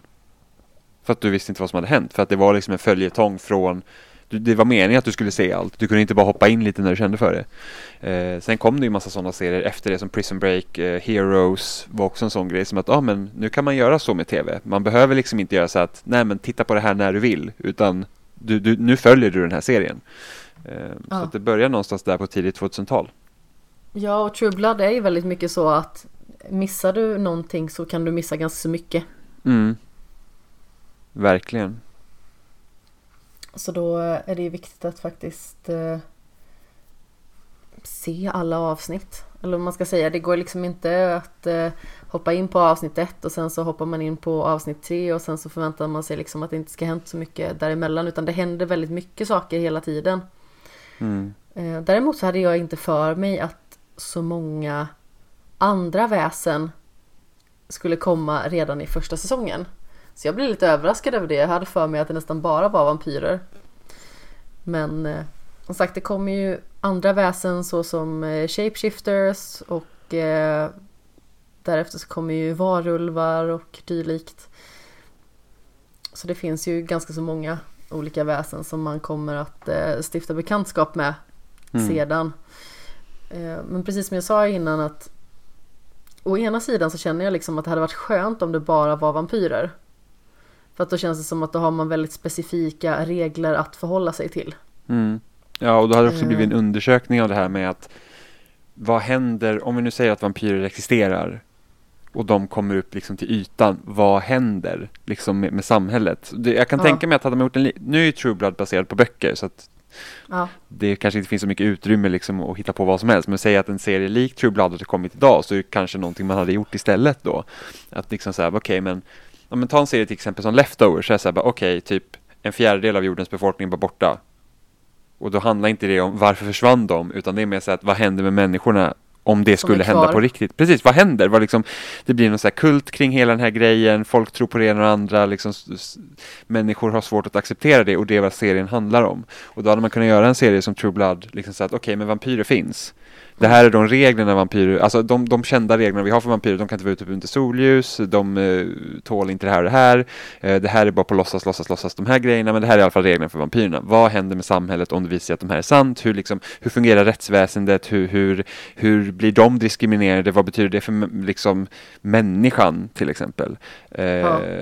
och och, sånt inte... går ju serien ganska så mycket in på egentligen. För att den behandlar ju det här när vampyrerna kommer ut ur kistan som liksom starten på någonting som är väldigt främlingsfientligt. Mm, Och det är ju den parallellen som man kan dra där, för det startas ju olika typer av organisationer som eh, är emot vampyrer. Det finns ju någonting som eh, heter Fellowship of the Sun till exempel. Som eh, då är som en form av soldyrkan och eh, ett hat mot vampyrer. mm. Ja, det finns ju en viss problematik de, de har liksom i, i serien, liksom, så vad det betyder. Men samtidigt känns det som att det mysteriet de har är så centralt så att det glöms lite bort. Som att det är en tjej som, man får ju se en, hur en ny vampyr blir till. Mm. Men det är så att om en ny vampyr blir till, det betyder att någon har dött. Någon måste ha Ja. blivit dödad av en vampyr, så som jag förstår det i alla fall. Och det, då måste ju ett brott ha begåtts, för det kan ju inte vara tillåtet. Hur gör, hur, hur gör man med det? För så fort man märker att en ny vampyr finns, då måste ju liksom, vad, vad, är, det, vad är det som klickar igång då för resten av Mm. samhället? Ja men exakt. Så det är lite sådana liksom frågetecken. Och sen är det, sen är det sånt som de kanske liksom så här man kan se förbi för att det skulle bli för komplicerat eller liksom det där är inte vad det handlar om så vi ser bort från det. Eh, för, det alltså, Ja. för det kan ju också bli problematiskt. Eh, som till exempel i Supernatural, en annan serie som handlar om liksom, övernaturliga varelser, så är det ju när de introducerade demoner för första gången så var det väldigt mycket så att demoner de tar över riktiga människor. Och då blir det ett väldigt stort dilemma för karaktärerna om de måste ha ihjäl demonen för då kommer de också ha ihjäl människan som demonen har tagit över. Ja, Och sen så spolar man fram några säsonger så är det ingen som bryr sig längre utan demoner dör hit och dit liksom. Den, den, Ja. den problematiken finns inte längre, det är ingen som tänker på det längre. Eh, så att det är kanske är något sånt man inte heller vill liksom, kanske ta tag i för att om man gör så nu då kommer det bli jobbigt senare för att det, av storymässiga anledningar så kommer det, den här blir vampyr, den här blir vampyr och då kan vi inte hålla på med det här böset här runt omkring. Mm. Så att man, man kanske får se genom fingrarna lite. Sen så finns det ju vissa regler från vampyrernas sida och människorna överlag vill ju inte beblanda sig med vampyrernas affärer om man säger så. Men det finns ju någon form av lite råare råd eller någon form av domstol inom citationstecken då som eh, utger olika typer av straff. Och då är det ju en vampyr som är huvudkaraktär som heter Bill. Och han dödade en vampyr för att rädda den andra huvudkaraktären Suki. Mm. Som då är människa. Och eh, då ser de ju liksom det som så att du har tagit en vampyrs liv. Nu måste du skapa en ny vampyr. Mm. Att liksom nu har du tagit en från vår ras här Mm. och utrotat. Så nu måste du jämna ut det. Mm. Och hur förhåller sig liksom resten av samhället till det? Liksom att hur... Ja, Och sen är det också så här, vad är det som gör att inte vampyrerna tar över? För de har ju ändå så pass hög krafter jämfört med människorna, så vad är det som gör att de inte kan sitta på maktpositionerna till slut? ja, Nu är det i och för sig bara, har de varit ute, i första säsongen så har de varit eh, liksom medvetna i två år att vampyrer finns. Ja. Har jag för mig. Ja, så då, Och det har då- till och med börjat tillverkas syntetiskt blod som Mm. heter True Blood. Som eh, många vampyrer dricker när de Mm. så kallat mainstreamar. mm, Det så vill säga det, att de men, beblandar sig med människor och eh, försöker att föra sig som människor och vara civiliserade. mm, men det ska ju bli intressant att se hur serien utvecklar sig. För att Mm. som sagt, vi har bara sett första säsongen. Ja, jag har ju sett allt. Ja, jo, precis. Men det har inte jag gjort. Jag kommer inte ihåg det så himla bra, ska jag dock tillägga. Men det är bara- jättemycket som jag liksom kände så här bara fasen hände det i den här säsongen? Oh, hände det här? Just det, här. Alltså den första säsongen grundar sig egentligen i att mord begås. Mm. Det är liksom hooken det är väldigt många som tror att det är en vampyr först och sen så tror de att det är Sukis bror som Mm. begår de här grova liksom dåden bara för att de har haft lite eh, kuckelurum med vampyrer. Mm. Och, och, och vi vet ju liksom ganska snabbt att det är inte Sukis bror som gör det där. Nej men precis. Så att det blir liksom, det är, nog, det är nog den grejen som gör att man kanske lite sympatiserar med honom för att annars är han ju liksom ett svin. Ja och han är ju ganska så korkad om man ska vara Ja. helt ärlig. Men jag måste ändå säga att jag tycker Suki som huvudkaraktär också är skittråkig. För att hon är så irriterande. Hon är så jag- extremt präktig så att det blir äckligt. Ja men inte bara präktig utan det är liksom så här typ att hon tar ganska dumma beslut många gånger och hon ty- får allt att handla om henne i princip. Hon är extremt självcentrerad. Ja, det är verkligen så här, så bara, ja men jag, jag, jag. Och man säger men alltså, förstår inte du hur många människor och vampyrer gör saker för dig här nu för att du ska liksom vara säker för att du råkar liksom vara, liksom ha en target på dig och sen då tycker du att det är skitjobbigt men inte för någon annan liksom. Eh, så jag vet inte, det liksom blir lite för, hon känns nästan som en karikatyr emellanåt vilket blir lite irriterande. Medans liksom, Ja, kanske. och, och hon blir typ den tråkigaste karaktären i serien för nästan alla andra är mer intressanta. För hon blir nästan liksom Hon blir nästan förkroppsligandet av den så oskuldsfulla karaktären nästan. Så att det blir liksom jobbigt att se det. Det är ändå på sätt och vis lite uppfriskande att man inte sympatiserar helt med huvudkaraktären. Jo men jag antar att det är meningen att du ska göra det. Eftersom hon är du ska huvudkaraktären. sympatisera. Att med henne ja. Jag är helt, jag är helt övertygad om att det är hennes sida vi ska stå på. Ja, det är väl tanken. Jag tror att jag stod på hennes sida lite mer när jag var yngre. Men det var ju mest att jag gillade kanske männen som hon hade ihop det med.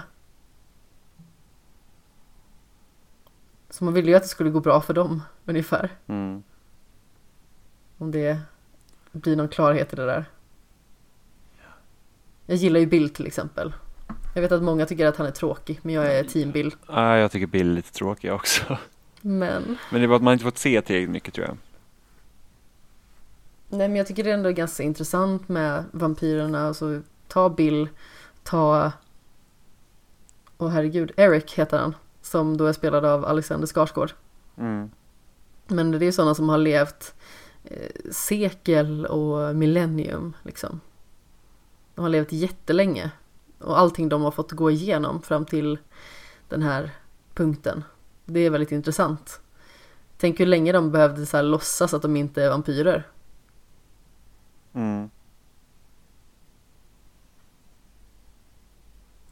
Sen så tror jag att hela den här det finns andra typer av väsen i världen. Jag tror att det också ska vara någon form av passning till att eh, det finns ju en ganska så stark främlingsfientlig kultur mot vampyrerna. Men ju mer man kollar desto mer inser man liksom att det är liksom inte vi och dem utan alla människor är så extremt olika. Mm. Ja, och, och vampyrer är extremt olika också. Men nu klassar jag in Vampyrer har ju varit människor liksom. Mm. Så jag antar att det ska vara någonting form av att ju mer man kollar desto mer inser man hur lika och olika alla är. Mm. Och det är ganska intressant det med vampyrer för att när vampyrer kom upp i populärkultur första gången med Dracula och sånt så var ju liksom det ett sätt att eh, monstrifiera eh, immigranter. Ja, Eh, just för att jag tror att eh, för Dracula kommer liksom från eh, eh, från liksom det blir Östeuropa. Och det var folk som, Rumänien. ja men precis, folk som inte hade det så bra kommer till andra länder, tar deras jobb, vi måste skydda våra kvinnor från hotet från öst. Eh, ganska intressant. För sen finns det också en annan del av vampyrer som har med sexualitet att göra, vilket kan vara helt tvärtom. Liksom typ så här, när Twilight den kom upp, att det liksom, vampyrerna då står för någon form av typ nästan liksom homosexualitet istället. Eh, så det finns liksom en, en lite olika, alltså det är alltid speciellt när vampyrer återigen kommer upp i populärkultur, alltså från när det startade, när det liksom var som att okej, men här har vi då här har vi någonting okänt från Rumänien som kommer hit och liksom dödar våra egna och sen till att liksom man har Alltså man tänker både så här True Blood och Twilight, det är kärlekshistorier mellan vampyrer och så. Mm. Så, att, eh, då- så då kan det ha en väldigt så sexuell spänning istället. Eh, så det ska vara ganska intressant att dyka ner djupare i det, vad det betyder liksom när det kommer upp hela tiden. För det är en stor skillnad på liksom Bram Stokers Dracula och Twilight till exempel. Ja, oh ja. Alltså alla typer av sådana här vampyrhistorier har ju flera gemensamma nämnare. Men de kan också vara så extremt olika. Mm. Och jag tycker det är lite roligt i True Blood att de liksom är så här.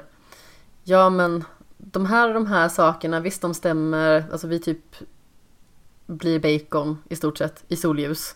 Och eh, ja men lägger man silver på oss så är det extremt smärtsamt. Men vitlök det är ju typ bara irriterande liksom. Mm. Alltså jag tycker att det är lite roligt att de, de liksom tar upp sådana saker. Att ja, men, det är lika bra för samhället och att de inte de vet vad våra svagheter och liksom vad vi är mer resistenta mot. Vad det är för någonting. Mm. De håller det lite för sig själva. Nu tänker jag att du ska få välja. Vill vi prata mer fantasy och fortsätta på det spåret? Eller vill vi prata mer snusk och fortsätta på det spåret? Eh, vi kan väl ta lite snusk. Mm, härliga tider. Lycka tider. ja.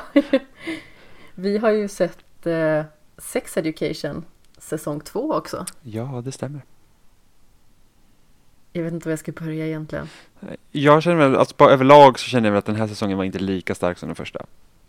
Nej, men det blir ju inte så ofta det. Och jag vet inte om det känns som att de frångick lite konceptet som var i första säsongen, det här med att han skulle att Otis då skulle ge ut liksom sexråd till sina klasskamrater, att det liksom hamnade väldigt, väldigt mycket i bakgrunden istället.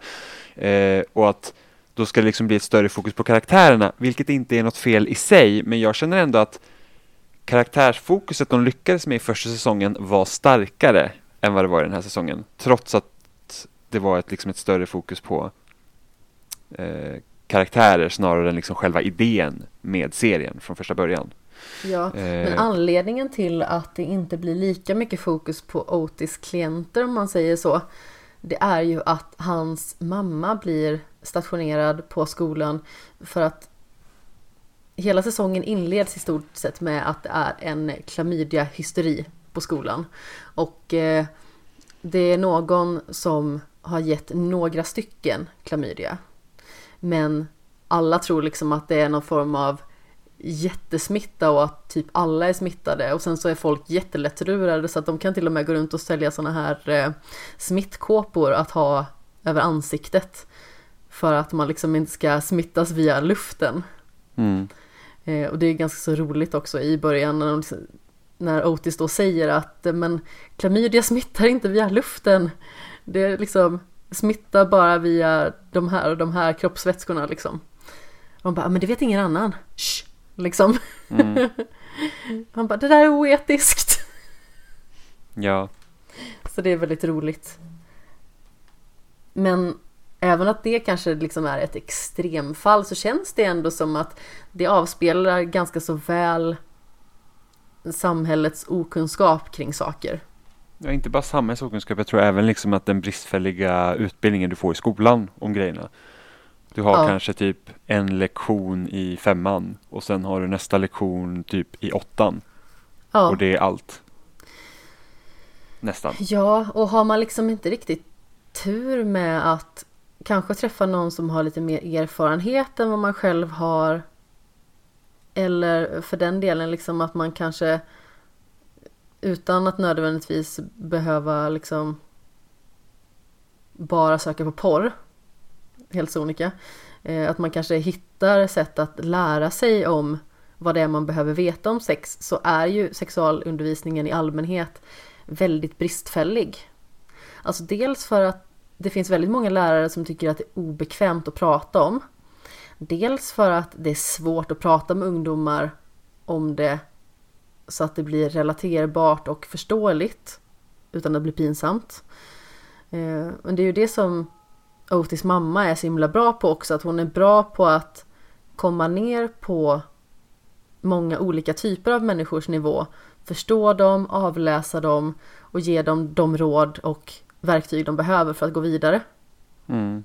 Och jag bara känner ju så att jag hade önskat att den här serien hade kommit när jag var i tonåren. För fasen vad, vad bra det hade varit, för det finns så himla mycket som är så viktigt i den här serien. Mm. Alltså både liksom när det gäller vad man bör göra, hur man bör agera, alltså rent etikettmässigt mot människor. Alltså olika typer av sexuella läggningar. Eh, och det liksom sticks ju även hål på mycket myter och, och sådant. Och det är en ganska bra upplysning, även naturligtvis kanske man inte ska ta allting till 100% från en serie. Men i och med att du och jag är så pass vuxna så att vi liksom har så pass mycket erfarenhet så känns det ju ändå som att vi kan ju se på det här och känna att ja, men det här vet vi ju nu vid det här laget. Men tänk om vi visste det då. Mm. Precis. Men sen den här serien, den här serien hade inte kunnat komma mycket tidigare heller. Nej, såklart inte. För det beror ju helt på hur, alltså hur samhället utvecklas till den punkt vi är nu. Liksom, nu är det mer okej och speciellt tror jag att så här, streamingtjänster som Netflix och den gör det lättare att det kommer lite så här serier som kanske inte är helt eh, konventionella om man säger så. Alltså jag kan tänka mig, jag kommer ihåg vilka jävla stort, alltså, stora skriverier det blev om det, när The L-word kom. Det var liksom en, en serie som handlade om lesbiska människor liksom. Det var ju det var jättestort när den släpptes. Eh, för att den var liksom så, vad ska man säga, annorlunda eller åh, det är homosexuella människor i den här serien liksom. Ja, men alltså primärt. på den tiden så var det ju banbrytande. Det är ju samma sak, Looking till exempel, som handlar om eh, primärt homosexuella män. Mm. Och hur de liksom letar efter eh, sexuella partners och kärlek och sådär. Mm. Men då, det känns också liksom lite som när de serierna kommer så är det så här att om de gör en grej av det, av att det är bara homosexuella par till exempel. Eh, liksom att det, det, är nästan som att det blir spektakel för den massan som inte kan identifiera sig med den. Om du förstår vad jag menar. Kanske. Jag tycker det är intressant. Det, oh, jo, det är jätteintressant. Det är inte, för för egen så... del så tycker jag ju att det är väldigt spännande att se sånt som inte jag kan relatera till liksom till fullo. Eller liksom att jag får lära mig mer liksom om, om tankesätt och, och liksom sådant från Abs andra perspektiv. Det tycker jag är jätteroligt. Absolut, men det var inte så jag menade. Eh, nej, nej. Utan det jag ville jag förstod. Ja, jag ville det, jag vill, det. det jag ville jämföra med var liksom att sex education, där är liksom där faller allt in sig så naturligt. Liksom du har en stor skara människor, alla har liksom, det är olika sexuella läggningar och sånt och det görs liksom ingen grej av att en person är det eller att två personer är det utan det är liksom en del i serien eh, som problematiserar de här grejerna på ett sätt som faller ganska naturligt utan att liksom, vad ska man säga, att det är hela grejen om man säger så. Ja men precis och det trampar inte någon på tårna heller. Eller ja. försöka vara extremt. Nej, men alltså det, det, känns, liksom, det känns inte som en outlier att Eric är homosexuell till exempel. Utan han bara råkar vara det. Samtidigt som det inte gör lätt heller för de problemen som man kan tänkas ha på grund av att han är det. Men det är liksom inte heller vad den karaktären enbart är heller. Och han är inte den enda homosexuella karaktären heller. Nej, Så men jag tycker att eh, det är väldigt bra att de visar vilken problematik som exempelvis homosexuella kan få utstå. Ja, absolut. Eh, för att det är ju en väldigt viktig del i det hela. Eh, och att de lyckas med att visa det samtidigt som de också visar hur naturligt det är att vara homosexuell. Mm. Liksom. Eh, jag, jag, tycker att de gör det så himla bra. Och att jag tycker det är fint. För att det känns som att väldigt många serier vill göra det till som sagt en stor grej. Och jag menar, det är en läggning som vilken annan som helst. Mm. det är att... någonting som inte man kan bestämma. Nej. Det är inte Eller precis som att har... man vaknar upp en dag och bara oppsan, nu är jag nog lite homosexuell idag. Utan det är liksom Det är någonting som, som kommer inifrån. Ja, precis. Eh, och just det, det att, från något annat. Och just det att det är inte bara en homosexuell karaktär utan alla har liksom inte, för att ofta kan det vara så att, oh, men här har du den homosexuella karaktären, han ska gå igenom de här, de här problemen. Precis som varenda andra homosexuell karaktär som finns gör. Eh, för du har ju den här andra homosexuella karaktären också som inte jag kommer ihåg vad han heter nu, men liksom hans problem i den här säsongen till skillnad från Eric har ju liksom blivit retad och liksom han hade jättemycket problem med Adam för att just att han var homosexuell. Mm. Eh, Medan den här andra karaktären då, som jag inte minns vad han heter, hans liksom största problem den här säsongen är att han vill liksom veta hur man liksom rensar sitt anus om man ska ha sex. liksom. Ja så, men precis, den, man den ska liksom göra en douche. Också. Precis. Eh, och då liksom är det så att och han behöver inte heller vara mobbad och retad för att han är homosexuell utan han liksom, då går man in på ett annan problematik för den här karaktären som gör att det inte liksom man, man sätter inte in homosexuella karaktärer i ett fack eller liksom att åh, bara för att man är den här typen så ska man hamna här liksom. Ja men exakt, det finns ju fyra stycken alltså homosexuella män i sex education. Och de har ju liksom väldigt olika problematik och eh, kämpar mot väldigt olika saker och har väldigt olika personligheter. Så det tycker jag också att de liksom har porträtterat väldigt väl. För vi har ju Eric till exempel som är väldigt färgstark som karaktär. Han är ju väldigt liksom säker på sin läggning och hur han känner och vad han vill. Samtidigt som han har ett ganska så konservativt hem som han kommer ifrån. Mm. Även att hans familj trycker liksom inte ner honom. Men det är mer att de oroar sig för honom, liksom. För vad samhället ska göra mot honom. Mm. Och sen så har vi, har vi Adam till exempel. Som eh, helt är fortfarande inne i garderoben väldigt länge. Eh, och som... Han säger ju att han är bisexuell. Jag vet inte riktigt om... Om det liksom är själva grejen det landar i. Till slut. Nej, han det, har ju det... haft förhållande med kvinnor innan. Men han vill ju liksom inte visa att han attraheras av män. Nej, och det Också. kan ju liksom vara så att det är första stället han landar på liksom. Mm. För att liksom lära sig att acceptera sig själv. Ja, och sen så har vi ju den här populära killen som jag aldrig kommer ihåg vad han heter. Eh, han som eh, vill ha en anal douche och inte vet vad han ska göra. Mm.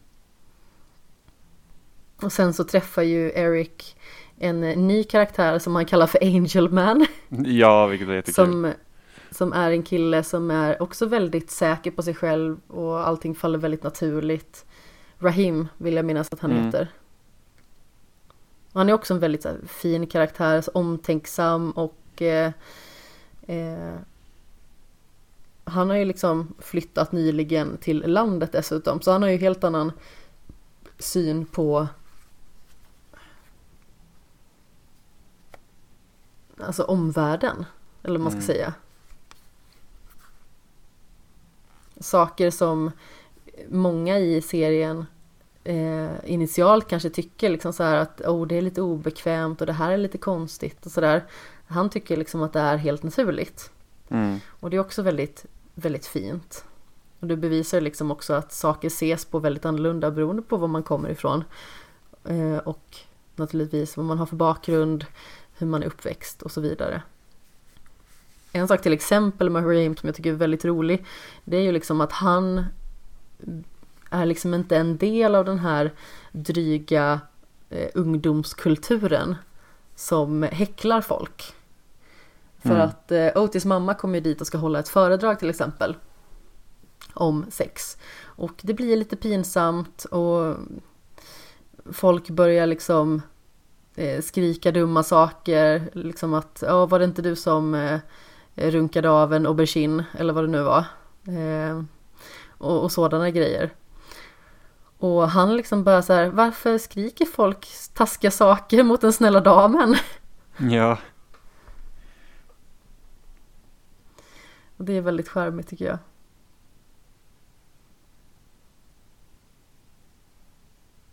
Men jag tycker fortfarande att den här säsongen var väldigt bra. Alltså det blandas in mycket annan problematik också. Naturligtvis. Ja, men då är till exempel hela grejen med Amy när hon liksom blir Sexuellt ofredad. precis på bussen. Eh, och sen så klarar hon liksom inte helt enkelt av att ta bussen på Nej. jättelänge för att hon liksom, det blir som ett trauma för henne. Liksom. Och vi kan Ja. också påpeka att, liksom att alltså du kan bli attackerad utan att för den delen bli våldtagen. Liksom. Ja men inget trauma är alltså för litet. Eller vad man ska säga. För att det här är ju liksom så att det är ju en man som ställer sig och eh, onanerar på henne och kommer på hennes byxor på bussen. Och i början så är hon verkligen så här att åh nej det var mina bästa byxor och eh, han var säkert ensam och det var säkert synd om han såg snäll ut. Mm. Och sedan när det börjar landa hos henne eh, Då blir hon ju liksom Dels rädd för att ta bussen Dels rädd för närhet Hon vill liksom inte ha sex med sin pojkvän eh, Och efter ett tag liksom känner hon att ah, men okej du, du kan börja få krama mig igen liksom. Så det, alltså sådana saker som många kan tycka är små och triviala Alltså det kan få liksom stora konsekvenser Mm. så man ska inte vifta bort det som ingenting. Nej men precis. Och vad jag tyckte var jättebra i det avseendet, det var att poliserna som har hand om hennes ärende är så himla snälla. Mm. För jag trodde ju när hon kom in med det här ärendet att, att de liksom skulle göra som de flesta poliser kanske gör i den här typen av situation i serier. Liksom eh, nästan skuldbelägger och eh, har svårt liksom när det gäller förståelse och sånt. Men den polisen som tar hennes förhör är ju så himla fin och vänlig och liksom så här, men ta din tid. Eh, känn inte att du behöver vara pressad. Bara tänk ordentligt på vad det var som hände och sen berätta det för mig. Du är säker här liksom. Mm. Och jag tycker det är bra att de kan visa den sidan också så att det liksom inte alltid är liksom en dålig sida därifrån. Att man inte skuldbelägger offer. Mm.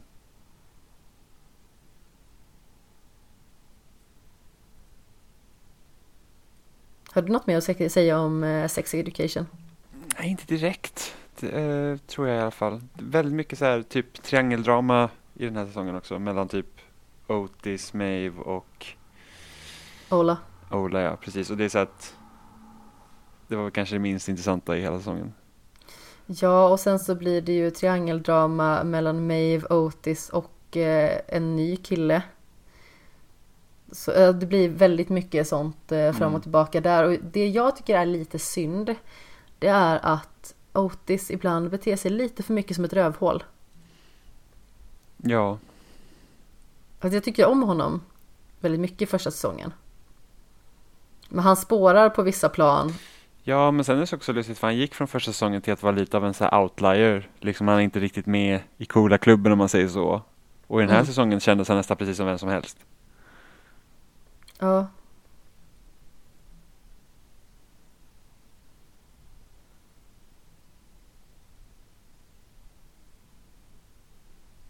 Vad tyst det blev. Ja, jag vet. Jag kände jag bara, har jag något mer att säga? Ja. Men, det, men det, jag vet inte, det är ofta tycker jag med Netflix-serier, det är typ så att huvudkaraktärerna blir den karaktären som nästan är minst intressant till slut. Ja. Det är så här att, ja men det där är liksom, det där är typ den vanliga karaktären om man får typ sälja in det och sen är alla andra karaktärer runt omkring så mycket mer intressant. ja. Har du någon favoritkaraktär? Eh, alltså jag gillar ju Eric. Jag också. Jag tycker ju Eric är bäst. Han är så rolig och han är så himla bra på att uttrycka sig i typ alla situationer. Ja, alltså den skådespelaren gör ett jättebra jobb. Han är fantastisk. Jag tycker att han är helt underbar. Han är så extremt älskvärd och eh, sympatisk bara. Ja, Man känner verkligen med hans problematik när den kommer upp. För han har ju liksom en, en romantisk problematik i den här säsongen. mm.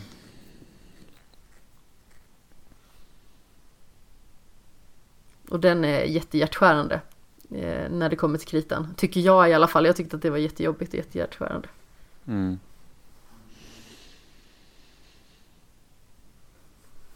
Ska vi gå över från snusk till lite mer snusk och eh, fantasy?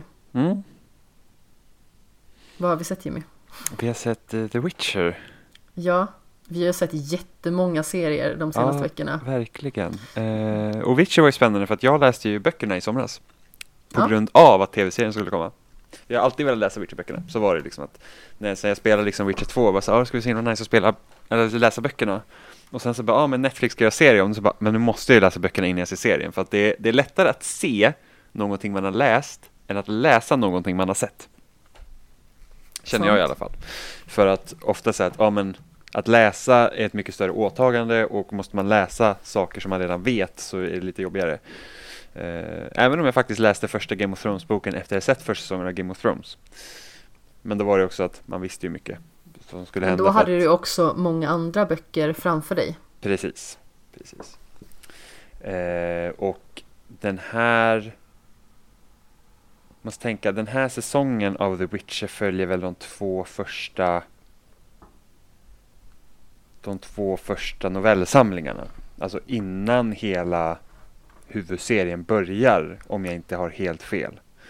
Eh, och det jag tycker nästan har varit roligast med att se serien var att de fyller i luckor som inte alls tas upp i böckerna eller som nämns i böckerna men man liksom inte får se. Som typ hela Jennifers backstory är ju inte med i böckerna. Nej. Eh, man får veta lite om henne, liksom att ja, man vet att hon är mycket äldre än vad hon utger sig för att vara. vara. Hon också, hennes utseende stämmer inte överens eh, med hur hon egentligen ska se ut till exempel för att häxor gör så att de ska se vackra ut. Eh, vilket jag tror jag problematiserade i somras när vi pratade om det här. Eh, och typ i, i finalen av avsnittet när man får liksom se hela slaget vid sådden, det är någonting som man inte fick läsa om i böckerna. Eller liksom det slaget har jag inte läst om, jag har hört om det liksom genom böckerna och det liksom var en Ja. stor grej men det är liksom inte som att man fick vara där och se eh, vad som faktiskt hände. Eh, så att eh, det är rätt spännande, alltså det gör ju så att för mig som läst böckerna då så blir det väldigt kul att liksom se serien också för att då är det inte bara ett sätt att eh, bara liksom återberätta det jag redan vet utan det fanns ju liksom nya grejer för mig att se där också som utökar liksom, eller ja, för tv-serien då. Man kan inte säga att det är liksom canon för böckerna för att jag vet inte hur författarna har tänkt liksom att Jennifers backstory ska vara exakt och det är vissa saker de har ändrat på också. Så till exempel den här processen som de har med att ändra sitt utseende stämmer väl inte riktigt överens med hur det faktiskt fungerar i böckerna. Men det spelar ingen större roll. Liksom. Eh, men så för mig var det kul, som liksom är, är bekant med källmaterialet, att, att liksom se nya perspektiv på hela alltet. Ja, jag har ju bara spelat The Witcher 3. Så jag har ju liksom ingenting att lägga bakom egentligen. Eh, eller ja, i och för sig, 70 timmar The Witcher 3. Det är väl lite att lägga bakom. Mm. Men det är inte så himla mycket av eh, bakgrundshistorien till alltihopa. Så eh, det tyckte jag var väldigt intressant där man får eh, se hur vissa saker binds ihop. Man får lite ökad förståelse och sådant. Mm. Ja, för det är liksom en grej som Witcher 3 egentligen har som är problematiskt med det spelet när det kommer till att du liksom placerar sig nästan i den här världen. Du vet att Geralt har massa liksom bakgrundsinformation till vad som har hänt som du inte direkt liksom kan ta i åtanke. Eh, som att till exempel Jennifer är ju en ny karaktär i tredje spelet. För att hon har inte ja. varit med i något annat spel, även om man vet att hon och Geralt har liksom en, en bakgrundshistoria. Som, eftersom man kan säga så här att böckerna är kanon för spelen, men spelen är inte kanon för böckerna, om man säger så. Ja. Eh, så att allt som har hänt i böckerna, det har ju hänt i spelen. Eh, vilket gör ju att de har ju otroligt mycket historia bakom sig. Och det vet man inte om när man liksom riktigt spelar Witcher 3. Man, man kan känna att den är där, men man vet liksom inte vad det innebär. Eh, så att jag kan tänka mig att det är också kul för dig liksom att se serien när liksom du har spelat Witcher 3. Ja, absolut. Jag tyckte att det var en väldigt bra serie. Alltså första gången som man fick se liksom Henry Cavill och hans liksom eh, tvålfagra yttre som eh, Geralt of Rivia så tänkte jag bara att oj, det här kommer ju bli det plojigaste någon någonsin har sett. Jag kände verkligen att det här kommer nog inte bli så himla bra. Alltså dels så tyckte jag att det var någonting som liksom kändes off med eh, honom initialt. Eh, och liksom hur han liksom såg ut i sin Witcher-klädnad eller vad man ska säga. Och eh, sedan så kändes det liksom som att utifrån det vi hade fått se och höra så kunde det bli hur plojigt som helst egentligen. Mm. Men jag tycker att de eh, lyckas extremt bra med att liksom sätta en ny fantasyvärld lite mer på kartan. För visst, böckerna har funnits länge. Ja, men... jag tror 90-talet tror jag den första, 94 tror jag första boken kom ut. ja. Sånt. Jag tror att det är något sånt där också. Och visst, liksom eh, tv-spelen är kända inom tv-spelskretsar. Men det är ju jättemånga som har kollat på The Witcher som inte är intresserade av böckerna, inte är intresserade av spelen. Alltså jag satt på toa på jobbet häromdagen och jag hör en från företagssäljarrummet som sitter och sjunger Toss a coin to your Witcher. Mm. Då kände jag bara så här att ja, det här är mitt liv nu. nu vet folk vilka, eller vilken The Witcher är i alla fall. Mm. Ja, för att alltså risken var ju liksom att det blir så att okej, okay, men Game of Thrones börjar ta slut. Dags att casha in på att folk vill ha en ny fantasy-serie. För så hände typ när Lost slutade. Då var det ju så att folk var ju så att, ah, men nu kommer det massa grejer. Så det kom typ någon så här Flash Forward var någon serie det hette. Som liksom var helt weird och sen så Heroes var ju en grej på det även om det var typ superhjältar och sånt. Eh, sen var det någon annan serie som också typ bara fick en säsong som var jättedålig som också ska det här mysteriet som, som Lost var känt för.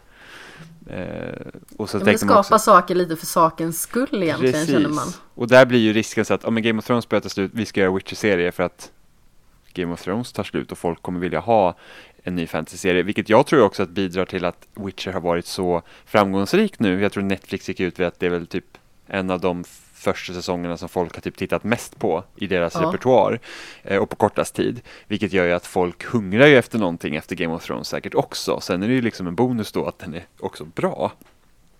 Eh. Ja men alltså The Witcher har haft sån extrem genomslagskraft. Framförallt på tre punkter. Alltså, dels så har vi ju alltså själva serien i sig. Så många som har sett den här första säsongen. Och det är liksom inte bara folk som har spelat spelet eller läst böckerna. Två, alltså radiohitten eh, typ Toss a coin to your Witcher. Det är väl ingen som har missat för att alltså, man hör ju den typ jämt. Sen så har vi ju dessutom eh, det faktum att när The Witcher-serien släpptes då sköt The Witcher 3 försäljningen i taket. Mm. Så den har ju haft jättestor genomslagskraft. Alltså jag vet ju bara jag som satt och spelade The Witcher 3 fram tills i sommar. Eh, och då hade lagt ner 55 timmar i den genomspelningen och sedan så eh, gick jag miste om min eh, sparfil och min eh, spelskiva. Och jag liksom kände att nej, det kommer nog dröja lite innan jag hoppar på det här tåget igen. Men när jag liksom såg all pepp i Twitterflöden, på Facebook, på Instagram, folk som skulle se serien, folk som sa hur bra den var, alltså min Witcher 3 liksom pepp bara sköt i taket och jag beställde hem det ganska så direkt, eh, inklusive expansioner och sådant. Det var Mm. ganska så bra pris också, 199 kronor för grundspelet och eh, de två expansioner som finns. Så det var en sån här Game of the Year edition. Mm. För jag blev så himla sugen på att nu vill jag spela igen. Och jag måste Mm. ta mig an det. Äntligen bli klar med det någon gång. Mm. Och det är en väldigt spännande värld att dyka ner i. Absolut. Eh, sen så tycker jag att tv-serien har väl lite samma problematik som jag känner med böckerna. Det är det här att hur sätter man, alltså den relation man får till liksom världen de lever i. Eh, vad, vad är det liksom som står på spel? Vi får veta alla de här liksom olika institutionerna som finns, liksom de här kungarikena och sen har vi magikernas liksom samhälle, ja, samhälle, deras liksom, eh, de kretsar kring den här sk- skolan, liksom Aretusa. Eh, men det är svårt att veta det, det är svårt att få liksom på känn det här att okej, men Nilfgaard gör det här, hur påverkar det resten av världen de lever i? Vi vet ju att det blir krig och att det blir oroligheter, men vi vet liksom inte, vi har liksom inga kopplingar till alla de här ställena som de tar upp, eller liksom kopplingar till de olika kungadömena. Eh, och det kände jag i böckerna också, att det var liksom, jämför man då med Game of Thrones, där blir det väldigt tydligt liksom när, ja men när Eddard Stark får liksom ett spjut i benet och eh, Catelyn Stark tillfångatar Tyrion, det kommer liksom det sk- skickar ju liksom vågor längs hela liksom riket. Ja men där är det liksom två stycken tydliga eh, Huvudpersoner. I, katalysatorer. Precis, men det är också för att vi får Kan följa man säga även, så? Ja. Eh, men det är också för att vi får ju följa eh, liksom serien följer karaktärerna på viktiga knutpunkter för den här världen. Så det gör att när det händer en sak, i alla fall i de första säsongerna, vi vet ju hur det hände sen, eh, Eh, när det bara händer saker för sakens skull. Eh, men i början var det verkligen så att okej, det här händer i Winterfell, vi vet att det kommer påverka på de här två platserna, för att vi ser karaktärer därifrån också, så de kommer liksom ha samtal om det, så att man liksom, du kan hela tiden relatera olika händelser till varandra, och det tycker jag inte man riktigt kan göra i Witcher. Eh, liksom hela den politiska spelplanen är svår att följa med för att man vet inte riktigt vad konsekvenserna är förutom att det är krig. Ja men dels det och dels så tycker jag att det är lite svårt att placera världens uppbyggnad. För jag tycker att det är ganska så tydligt i Game of Thrones till exempel hur geografiskt sett Winterfell är positionerat i relation till Kings Landing. Exempelvis. Man vet att det är jättelångt emellan. Eh, Winterfell ligger uppe i Norden. Eh, Kings Landing ligger längs med kusten. Alltså sådana grejer. Mm. Och så vet man liksom, Eh. du har The Wall där uppe och du vet att den ska Ja. stänga ute liksom vildingarna. Så att liksom, du, du har de relationerna till varandra helt och hållet. Det liksom finns där för dig att ta i. Ja, och i huvudet får man liksom etablerat för sig hur saker hänger samman. Även om man kanske inte kan rita en specifik karta så känns det som att man har ett hum om det. Och liksom på andra sidan havet, där finns de här typerna av eh, ställen. Och eh, där har de här karaktärerna, eh, håller de här karaktärerna hus för tillfället. Mm. Eh, Jag tror att det kanske är lite svårare att etablera i typ The Witcher. Eh, för att de kanske var osäkra på hur liksom, Ja, stor genomslagskraft det skulle vara. ja, och sen beror det helt på att böckerna är skrivna på det här sättet. Ja, sant. Så att det, det Jag har inte läst liksom, böckerna. Nej, precis, men det, det är precis samma sak jag känner med böckerna, så att jag har liksom ingen aning om Alltså jag kan inte riktigt relatera alla de här platserna till varandra och veta varför, liksom när saker och ting händer så känner man inte så här, oh shit, nu, nu, nu, shit's going down liksom. Eh, för sen har du ju också Siri liksom som då ska vara någon form av utvald person och där har vi inte serien riktigt gått in på vad det innebär förutom att man vet att Geralt och Siri har liksom ett, ett någon form av koppling till varandra. Eh, och sen så kommer man ju få veta mer om det längre fram. Vad, vad innebär Siri för den här världen? Eh, Mm. Så det, det är något, så då vet man ju liksom, då har man i alla fall den kopplingen, man vet varför Siri är viktig. Eh, för att Witcher-serien, även om många, och det är ganska intressant också för att Geralt som person är ju inte jättespännande i serien. Eh, men han har jättemånga sidokaraktärer runt omkring honom som är jättespännande. Som du har Siri till exempel, som jag skulle argumentera för är egentligen Witcher-seriens huvudkaraktär, i alla fall i böckerna. Eh, Ja. Och sen har Jennifer fick ta väldigt mycket plats i den här första säsongen också. Absolut. Och hela liksom den, eh, liksom, vad ska man säga, magikersamfundet kommer spela en jättestor roll i framtiden också. Så att hon kommer förmodligen få ta ännu mer plats. Och hon är ändå borta ganska mycket i böckerna under vissa perioder. Och jag antar att de i serien inte kommer låta henne sidelinas. Eh, för när hon är borta då kommer vi säkert få se vad hon håller på med. För att det är så de verkar ha skrivit det. För annars skulle typ Jennifer ha kommit in i den här serien och hon skulle inte varit med i början. Hon skulle varit, alltså hela hennes backstory är ju liksom gjort för serien som jag nämnde tidigare. Den, den, den går ju inte att läsa om på samma sätt i böckerna. Eh, så jag antar att när hon försvinner under vissa specifika tidpunkter inom i böckerna, då kommer vi få se det i serien. Så Ja. att hon kommer fortsätta vara en huvudkaraktär. Men jag tycker att de gör det väldigt bra i spelen också. Eller spelet. Som jag då har spelat i alla fall. Ehm, att de etablerar inte Geralt som någon vidare intressant karaktär. Utan det är liksom världen och karaktärerna som finns runt honom som är intressanta. Eh, Så han är på något vis nästan bara en observatör.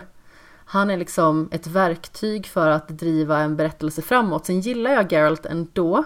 Just för att på något vis är det ganska roligt med hans liksom butterhet och hur less han är på allting.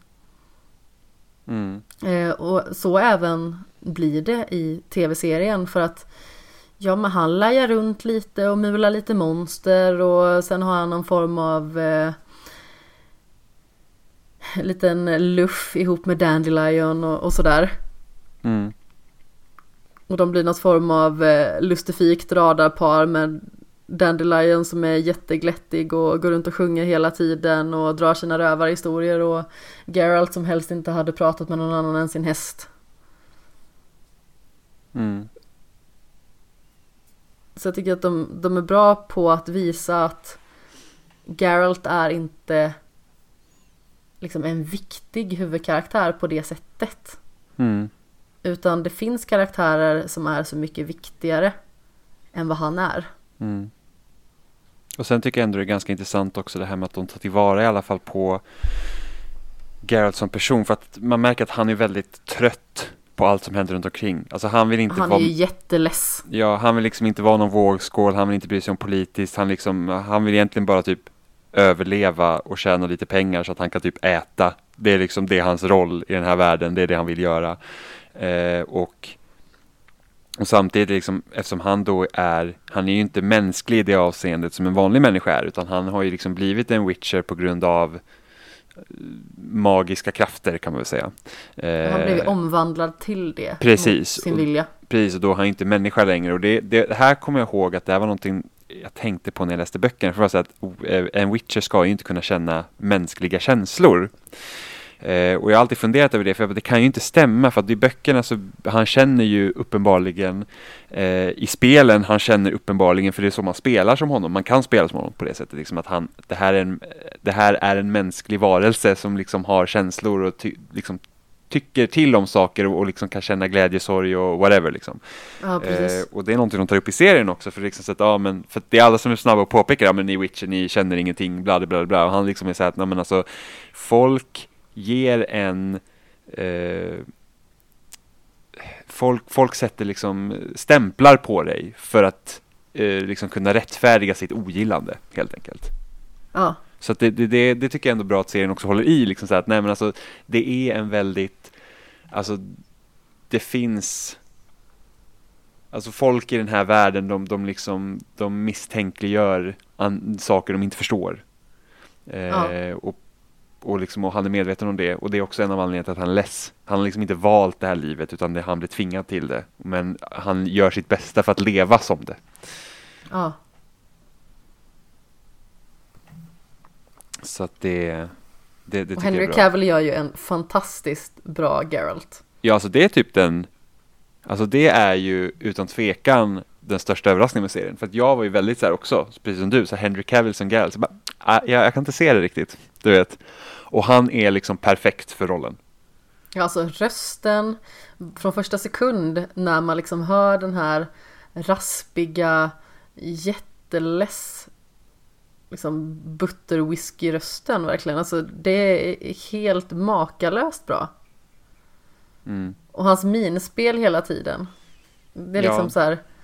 Hela hans karaktär bara osar trötthet liksom. Att han vill inte vara med längre. Alla runt omkring honom är bara jobbiga. Låt mig vara med min häst liksom. Mm.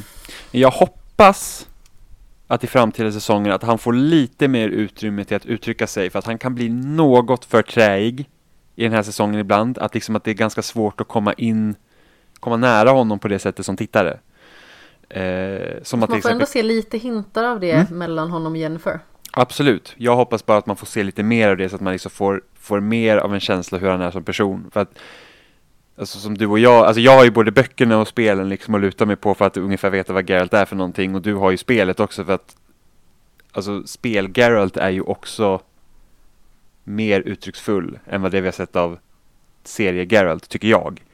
Eh, och sen kan det hända att jag kanske också läser in mer i, i, än vad det egentligen finns där. Men jag hoppas att det finns mer utrymme för honom. För att oftast är det som man tänker så här typ andra serier där man har då The Male Genius, typ som House, eh, vad finns det? Sherlock. Sherlock, eh, Lie to Me eller eh, Mentalisten. Mentalist, precis. Där du har liksom så att det här har vi en idé, så får man, så här är den här karaktären och sen så får man se glimtar av hur den här karak- liksom den mänskliga delen av den här karaktären. Det är ju någonting som House gjorde väldigt bra genom säsongerna sen. Att det var ju det att man fick komma verkligen nära honom. Och jag hoppas att man på något sätt också kommer nära liksom Geralt. Man får se liksom mer av hur han tänker och känner. För att jag tycker att det är en, det är en av de grejerna jag gillar mest med spelen. Liksom att jag kan liksom läsa in ganska mycket i, i Geralt som karaktär beroende på mina val då så att säga. Eh, ja. Ni får ursäkta om det lät lite störigt här för mitt eh, puffskydd lossnade från bordet så jag sitter och försöker smygskruva ihop det här. Men eh, förhoppningsvis så har det inte stört för mycket. Jag ville bara eh, klargöra vad det är jag sitter och pysslar med här. Så jag sitter liksom inte och eh, typ gnider mina ben mot eh, stolsbenet eller någonting sånt utan jag bara försöker att ordna till den här skruven som har lossnat. Men eh, jag tycker verkligen att den här första säsongen av serien var väldigt bra. Jag var inte Jättebra. riktigt vän med tidshoppandet på det sättet de gjorde det. Jag har inga problem med det riktigt. Jag tycker att det var intressant att de gjorde på det viset. Fast det känns inte- som att det successivt knyts ihop. Fast- I början var det lite svårt att förstå vart alla höll hus för någonstans. Eh, och det förklaras kanske lite dåligt vilken typ av era respektive kommer ifrån. Ja, för att det knyts egentligen inte ihop till någonting. Det finns liksom inget mysterie bakom tidshoppen. Det är inte så att vi måste se det i den här ordningen för att förstå de här, de här grejerna. Utan jag tror att de har gjort det mer så för att vi ska kunna se saker från Jennifer och Siri så att inte man kan liksom lämna dem för att till exempel Siri är ju en sån karaktär så hon hade egentligen inte varit med i den här säsongen alls förrän kanske i slutet. Ja men precis och samma sak egentligen Jennifer för man får ju se så himla mycket av vad det var som hände henne när hon liksom blev en häxa. Precis. Och jag Eh. tycker om den delen väldigt mycket. Jag tycker om Jennifer. Jag tycker att skådespelerskan gör en jättebra rollprestation.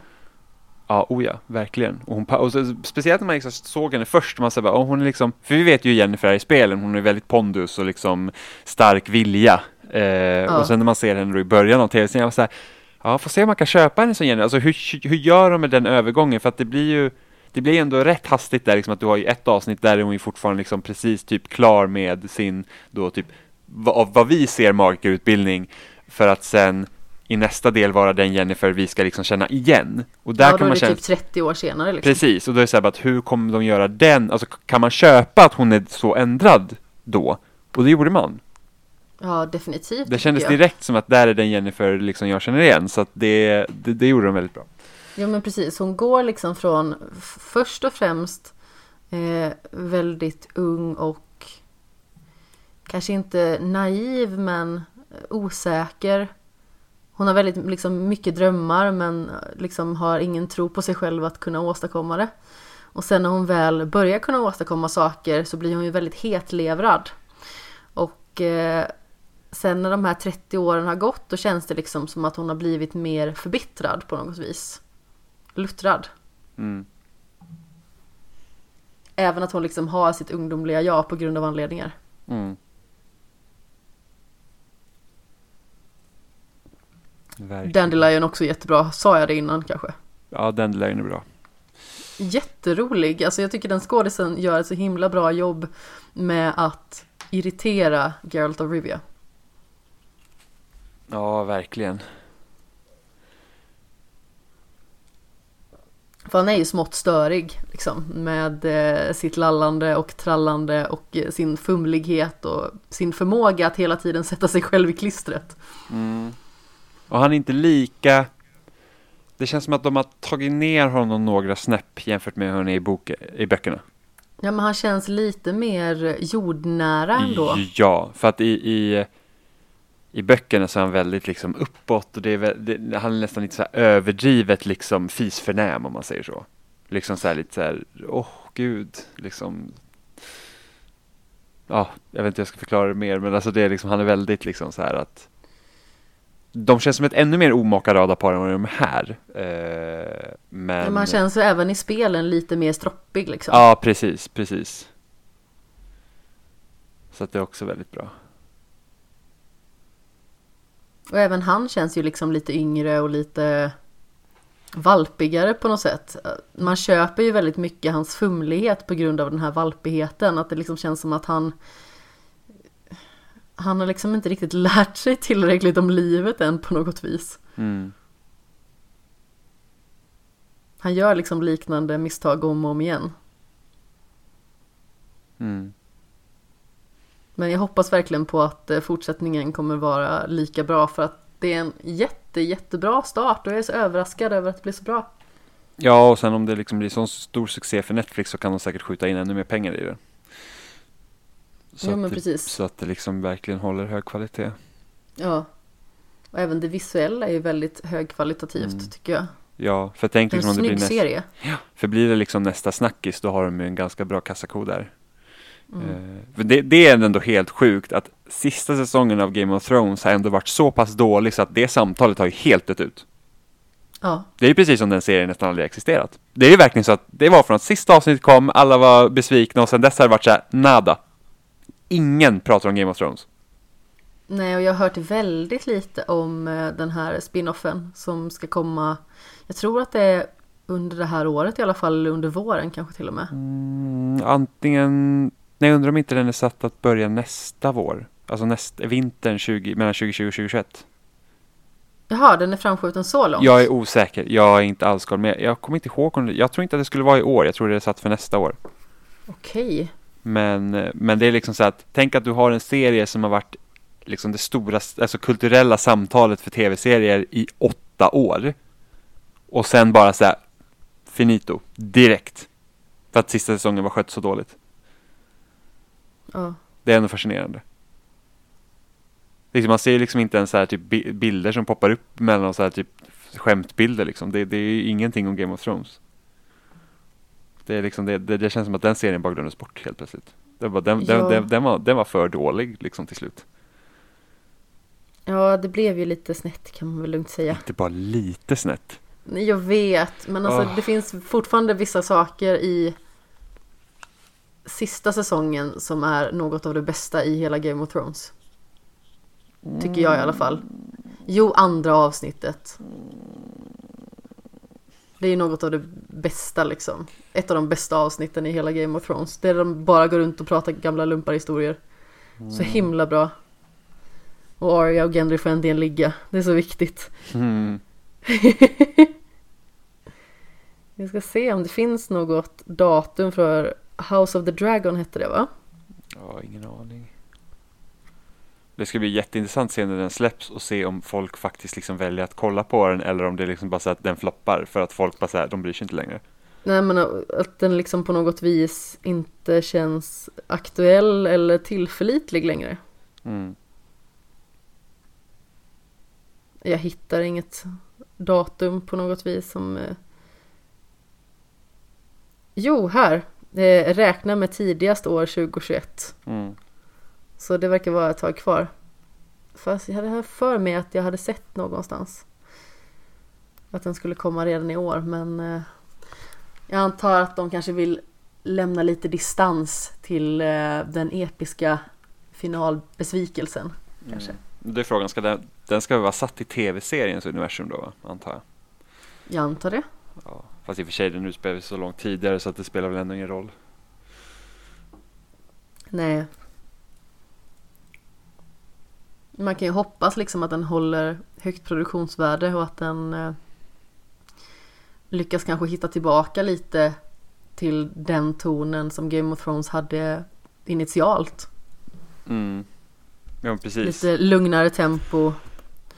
Ja. Lite hoppas. mer eh, karaktärsbaserat. Att Mm. de eh, diskuterar mycket mer. Det var ju så som var så himla intressant i början liksom att alla intriger som skapades via olika typer av eh, diskussioner och skeenden. Mm. På sluttampen kändes det ju som att det var bara aggressiva händelseförlopp på varandra. Mm. Och det var synd. Jag hade behövt en säsong till och sen kanske åtta, tio avsnitt i varje för att knyta ihop med eh, ultimat värdighet tror jag. Mm. Ja, För att den skulle ju- liksom få sin tid. det var ju just det också att det fanns ju inget det, liksom de konst- Alltså som serien fungerar i början, det var så att någon gör någonting, det kommer ha konsekvenser som liksom visar sig på andra platser. Det liksom existerar inte de senare Mm. säsongerna sen. Det var ju verkligen så här att folk gör saker och det är bara, ja, det är bara så det är nu. Ja. Och det gjorde ju så att det blev inte liksom spännande längre. Det kändes inte som att när saker hände så fanns det liksom en logisk röd tråd. Okej, vi vet varför det här händer nu. Vi, vi vet precis varför det här händer. Det var för att de här, de här grejerna hände precis innan, eller innan här. Medan i slutet på Game of Thrones, då var det verkligen så här att det här händer nu. Det där borde ju betyda massa. Så bara, nej, vi glömmer bort det. Cersei sprängde en Ja. hel kyrka, men det, är liksom, det händer inget mer med det. Hon kan liksom sitta på tronen. Vilket så här, jag, hade, jag var fine med att hon liksom tog över tronen. Det var inte det, men liksom det borde ha ett betydligt större problem för henne att sitta kvar där. Det borde Eh. blivit en större klyfta också i staden. Ja, men av det. precis. Det, liksom borde ha hänt massa grejer där och sen så typ när Daenerys kommer till Westeros, det borde ha liksom varit av stor betydelse och då hastar de sig bara igenom hela den grejen. Och sen så för att inte förglömma när hon bara bestämmer sig för att bränna ner High Kings Landing och man säger bara vad händer nu? Jag hade accepterat det om uppbyggnaden hade varit längre. Ja, man så har accepterat det om det funnits någon uppbyggnad till det överhuvudtaget mer än att folk bara, jag tror att hon är galen och man bara, men hon har inte visat sig galen. Hon har ju inte varit mindre hemsk än någon annan regent i den här världen. Hon har inte gjort någonting som skulle ens eh, visa sig på att hon skulle vara knäpp. Nej, hon blir ju ganska så drastiskt koko. Ja, för liksom Tyrion bränner ner liksom en hel flotta när Kings Landing attackerar i säsong, säsong två. Det är ingen som ifrågasätter om han liksom är knäpp eller inte.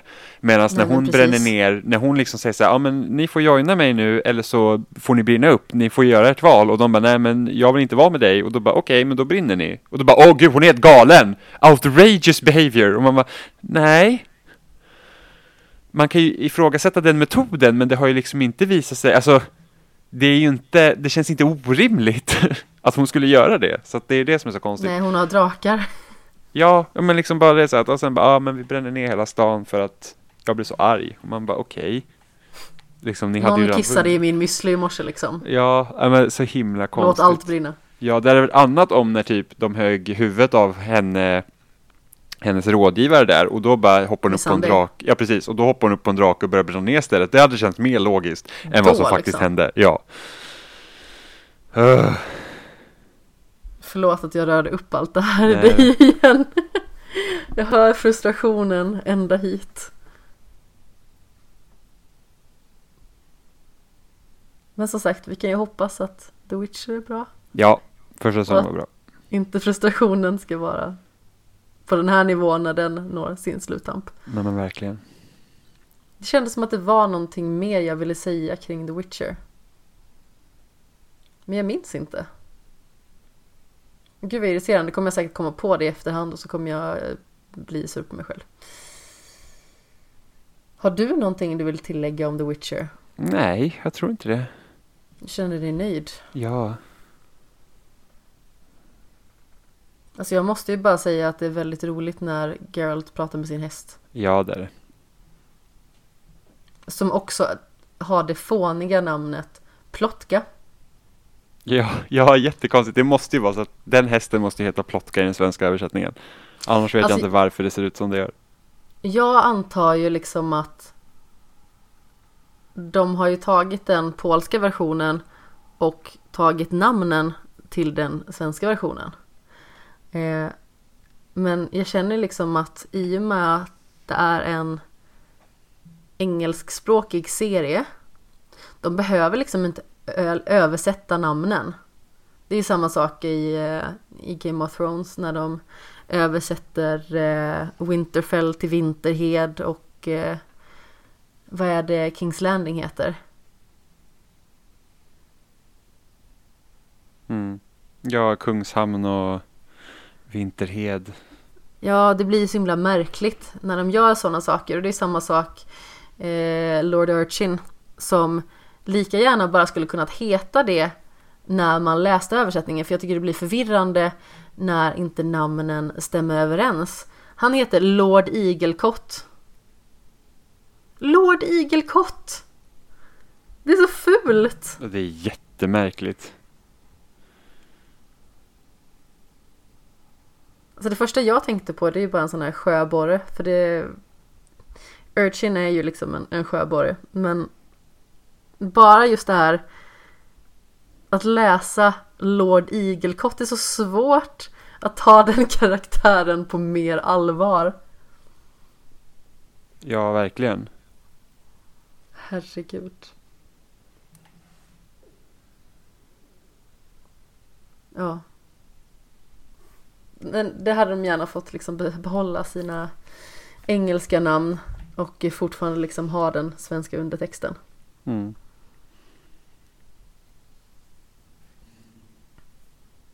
Jag vill nästan ha det här som eh, typ så bakgrundsskärm när eh, eh, Geralt kommer ut efter att ha spenderat tre nätter med en prostituerad och han vänder sig till Roach och säger Don't judge me. Ja, verkligen jätteroligt. Han säger det på sitt torra liksom sätt. Ja men precis med sån extrem bitterhet i rösten. Det är Mm. fantastiskt underbart. Men vi har ju ett specifikt ämne kvar som vi ska diskutera. Mm.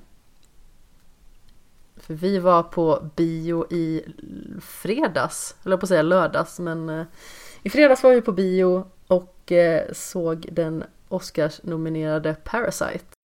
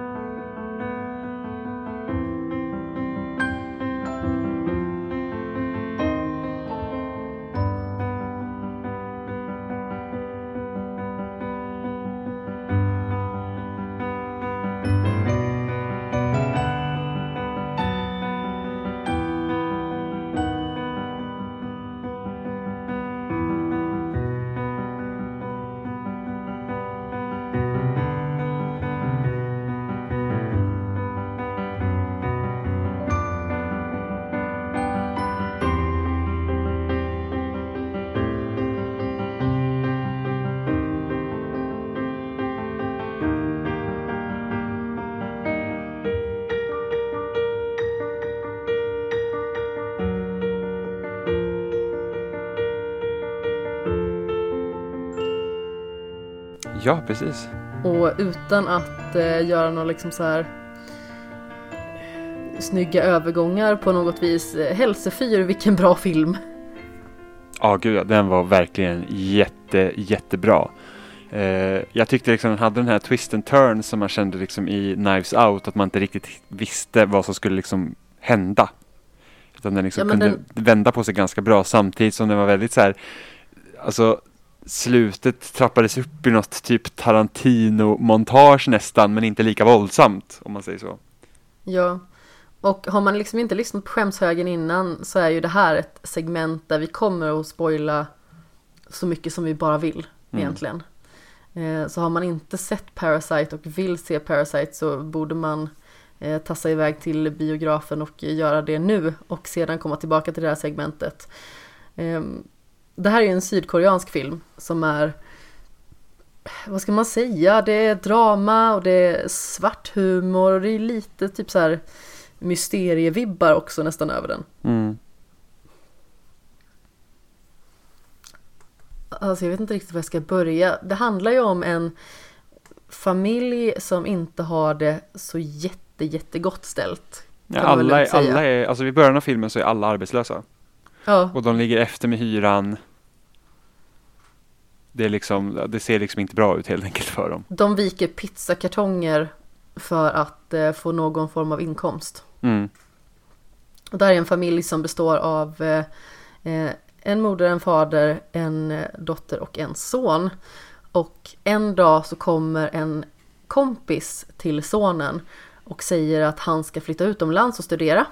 Och därför så behöver han hjälp med att eh, någon ska ta hand om den eh, elev som han har gett läxhjälp. Och den här eh, tjejen tillhör då en väldigt välbärgad familj. Mm. Även den en familj på fyra med då en liten son som bara är, kan, vad är han, sju år eller någonting i den här stilen. Mm. Eh, och sen har vi då eh, pappan i den familjen som är väldigt framgångsrik. Mamman är någon form av hemmafru skulle man kunna säga. Eh, men hemmafru slash arkitekt va? ja, Och hon hade väl designat huset de bodde i, var det inte så? Eller nej? Det var arkitekten som hade byggt huset, så var det. ja, för det hon- var ju var en, väl någon- en som höll- bodde där innan. Precis, men höll inte, hon på, det. men höll inte hon på med någon typ av form av inredning och sådana saker också? Jo, men det kändes som att det var lite diffust. Ja. Hon höll sig ju mest hemma, alternativt gjorde ärenden och sedan så hade de ju en eh, ett hembiträde också. Plus att de hade en chaufför. Precis, och så det är hela det här liksom. väldigt stora kontraster. Du har en jättefattig familj och sen har du en jätterik familj. Men det som egentligen blir vägen in till den här rika familjen Eh, för de som inte har det så jättegott ställt, det är ju som sagt den här läxhjälpen till att börja med. Och han får ju nys om att den eh, unga pojken i familjen, han är eh, väldigt hyperaktiv och samtidigt väldigt så här uttrycksfull. Man skulle behöva någon som, som hjälper honom med det är inte läxläsning på samma sätt utan det är ju någon form av konstlärare snarare. Mm. Och då får ju sonen här en snilleblixt och säger att men jag har en, eh, en kompis kusin som, eh, eller en kusins kompis kanske då. Skitsamma. Eh, hon har studerat konst i eh, USA och nu är hon här. Eh, och hon skulle kunna förmodligen eh, hjälpa honom med det här då.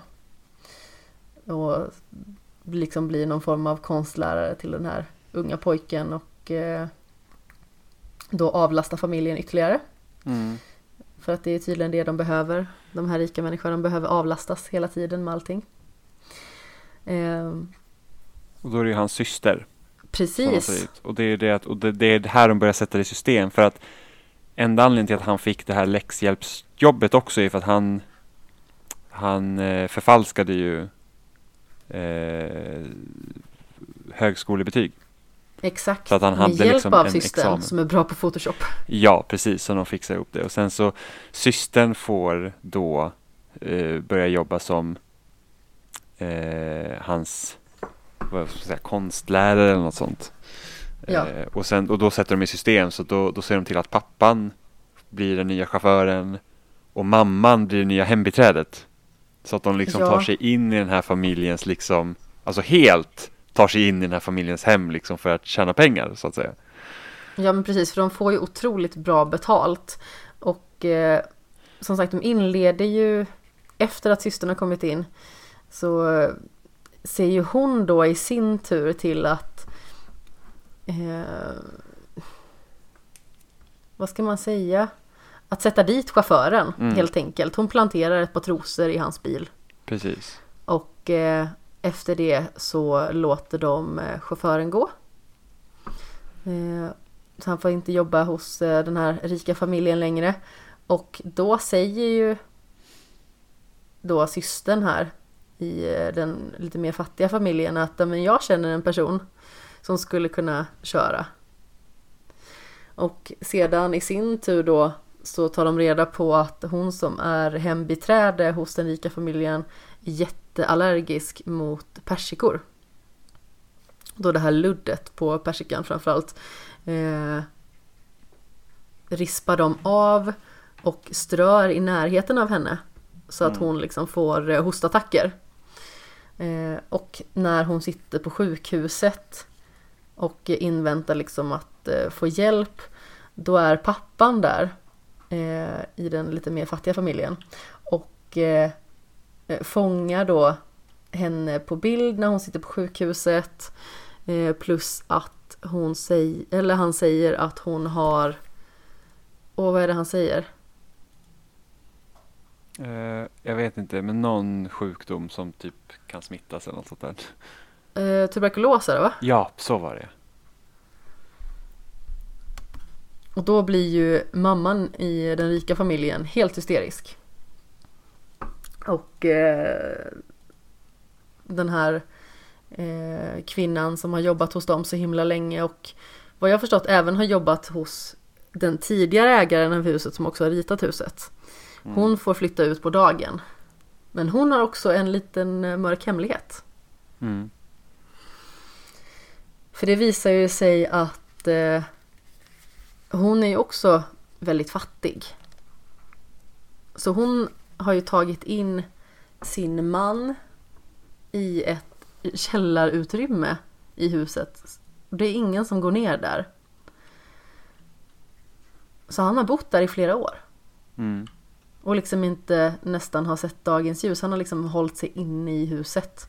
Och smugit upp på natten och eh, tagit saker ur kylskåpet och har liksom gjort sig hemmastad där nere. Det kom ju ur att han gick i konkurs. Med sitt, jag för mig att det var ett bageri han drev eller någonting sånt. Mm. Och sedan så kom eh, styggingar efter honom och skulle ta koll på honom. Så då fick han bo där nere. Och hon eh, försåg honom naturligtvis med andra typer av förnödenheter. Så hon får ju också panik då, det här gamla hembiträdet. När det visar sig att hon blir utkast, utkastad ur hemmet och dessutom så har hon sin man kvar där nere. Mm. Och han har liksom inte fått mat på flera dagar.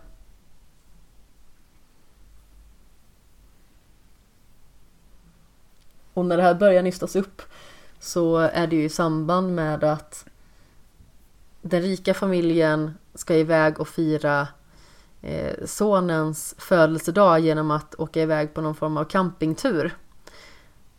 Och då passar hela eh, den fattiga familjen på att ja, men, ha lite ja, men, trevligheter för sig. De sitter och äter och dricker gott. Och sedan då under den här tiden så ringer det gamla hembiträdet på. Mm. Och hon eh, ja, men blir som sagt eh, smått tokig när hon eh, ser att eh, det här är liksom en, en faktisk familj som liksom har infiltrerat den här överklassfamiljen.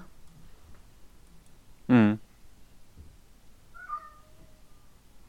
Alltså det, den var verkligen eh, så oväntad hela tiden. Det kom massa nya saker.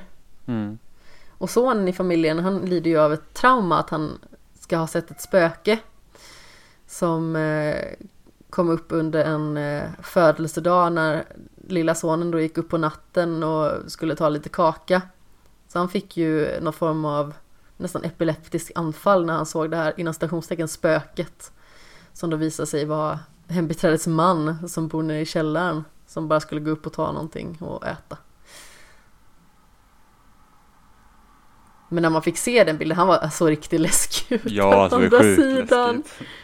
Han såg jätteläskig ut för man såg typ bara ögonen på honom sticka upp från eh, trappkanten. Jag höll ju på att skita ner mig. Ja, det såg jätteobehagligt ut. Ja, verkligen.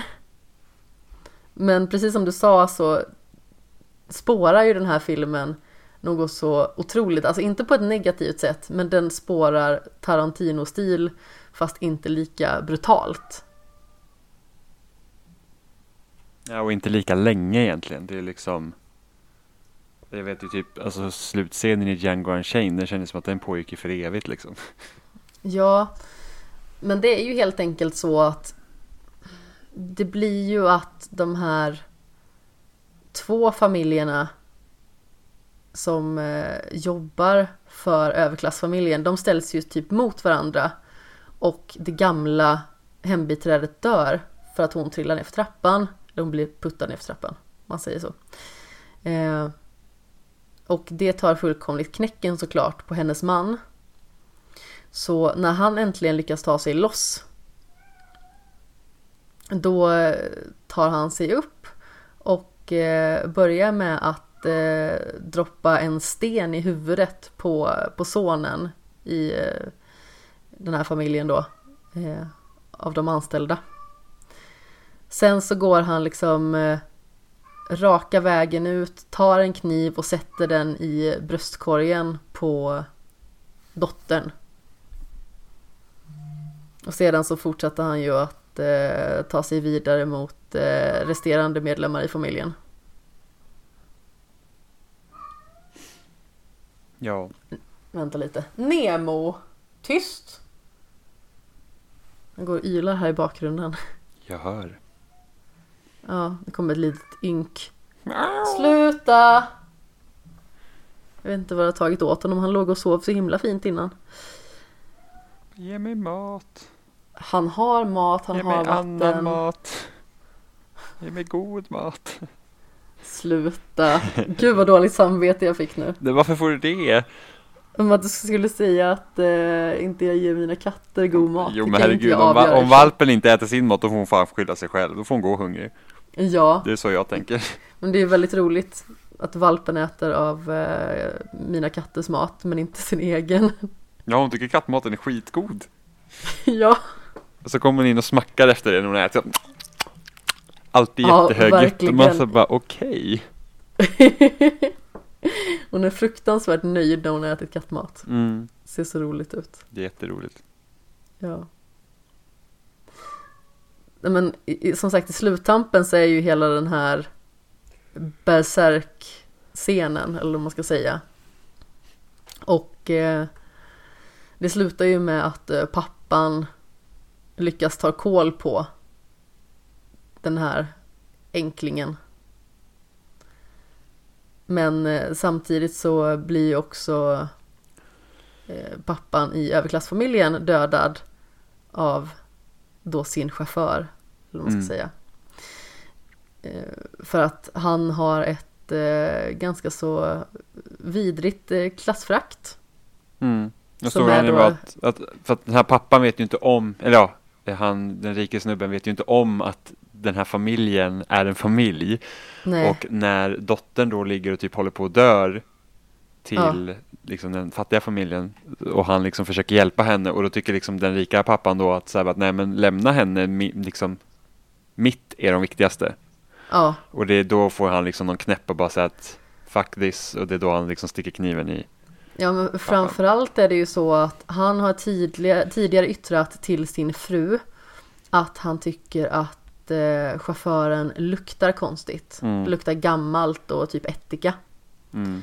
Eh, och när han lutar sig ner över den mannen som har bott i källaren eh, så upptäcker han att han tycker att han luktar illa och gör en väldigt liksom, illasinnad grimas eh, på grund av det. Och eh, då slår det slint i eh, pappachaufförs huvud och han eh, sticker kniven rakt i honom. Mm. Och sedan så flyr han och man vet inte riktigt var. Och det är ju så himla roligt då att han har ju liksom flytt ner och bosatt sig i källaren. Ja. Och via lampor så eh, knackar han morsekod för att en dag kunna få eh, kontakt med sin son och sin fru igen.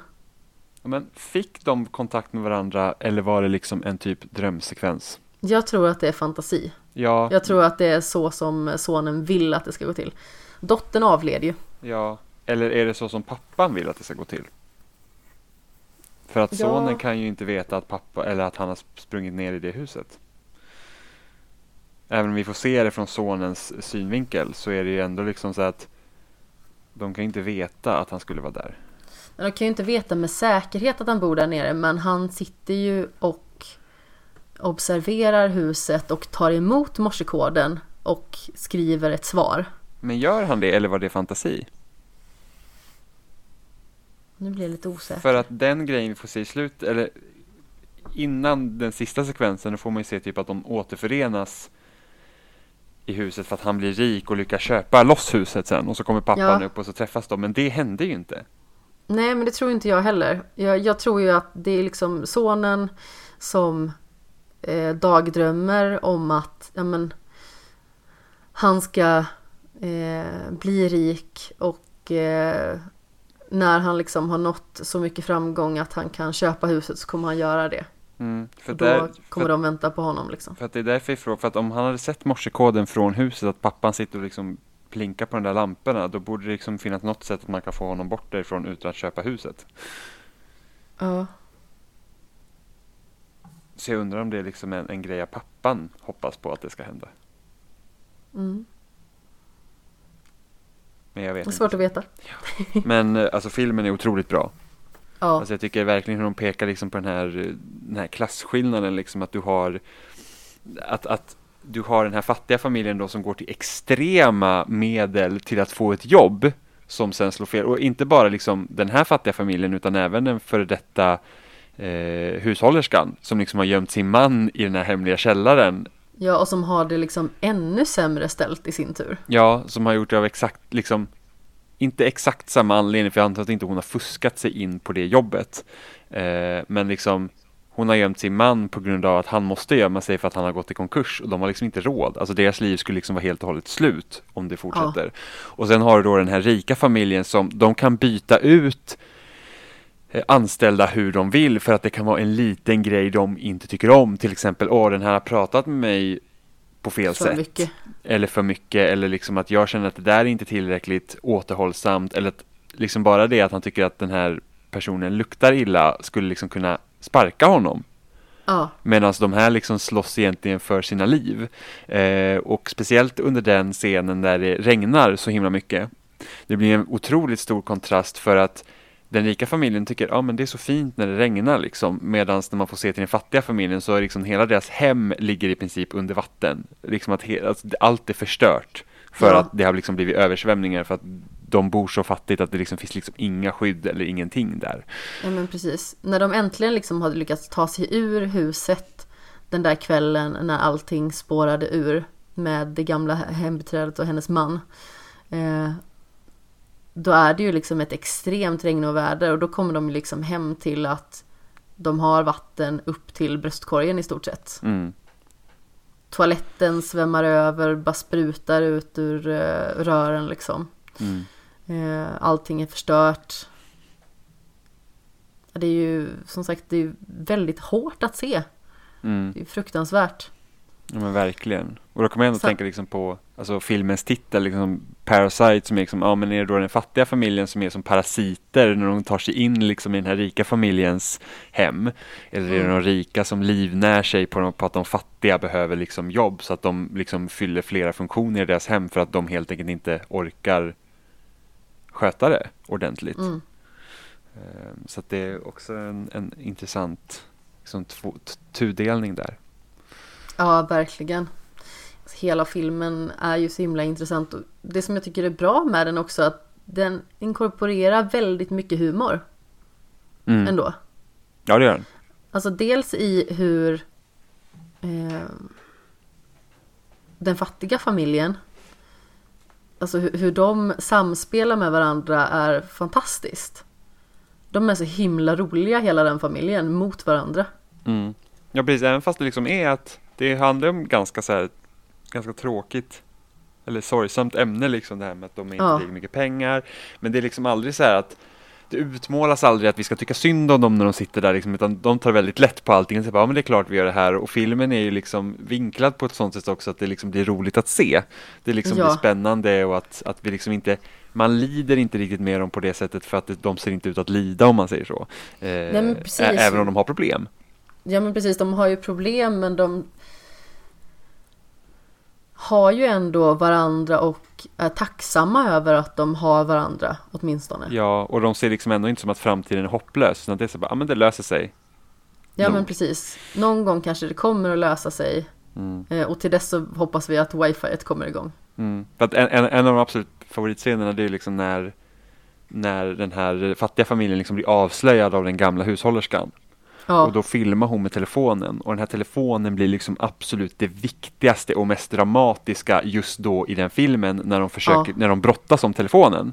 Eh, och när man får liksom se eh, kameravinklarna inne i liksom huset när de brottas här så ser det ju verkligen superdramatiskt ut. Det är verkligen så att det här är liksom, det skulle lika väl kunna vara en, så här, ett kärnvapen som håller på att gå av och alla slåss liksom om, om kontrollen för att Ja. få den. Och sen så- alla ligger i en hög och sprattlar och bits och, Och- slåss. Och verkligen, och sen så får man se en vinkel utifrån. Alltså man, de, de liksom, man får se, de har liksom placerat kameran utanför huset för de, det vardagsrummet som de är i, det är liksom helt glasade, alltså det är hela väggen liksom som fönster.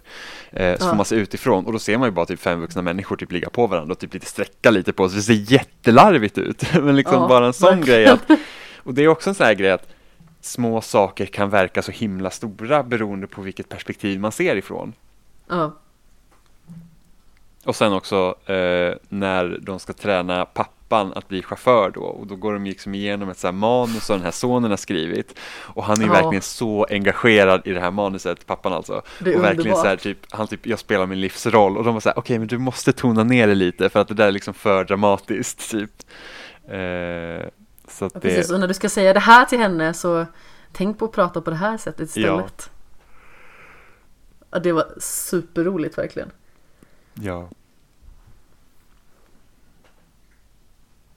Men jag tycker att filmen liksom gör det hela tiden väldigt bra i att visa att det finns hela tiden steg åt respektive håll. Alltså både liksom i fattigdom och rikedom.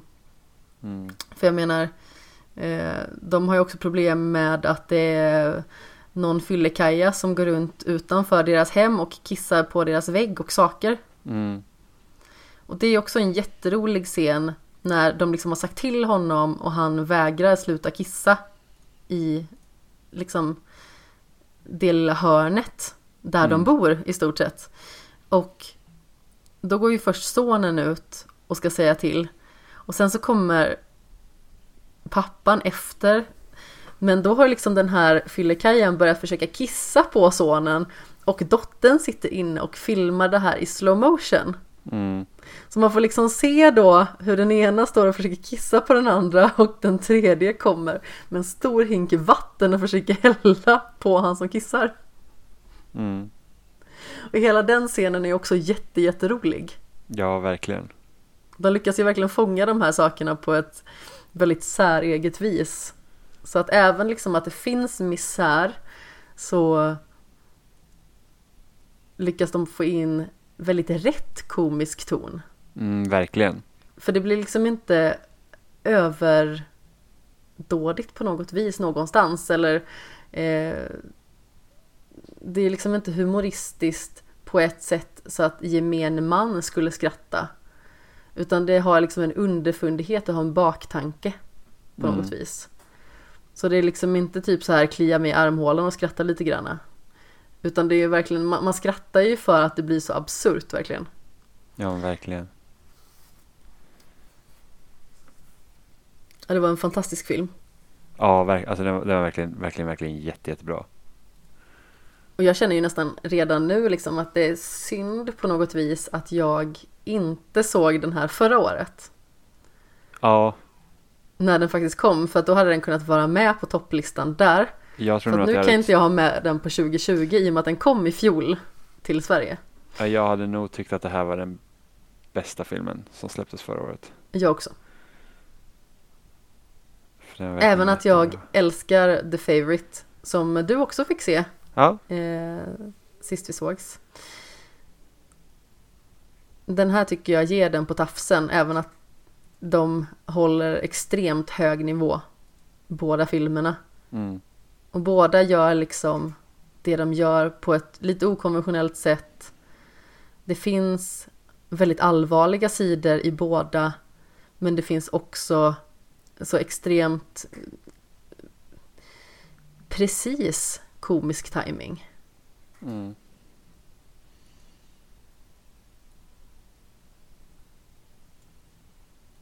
Jag tycker att det är härligt att se så här nya saker på något vis.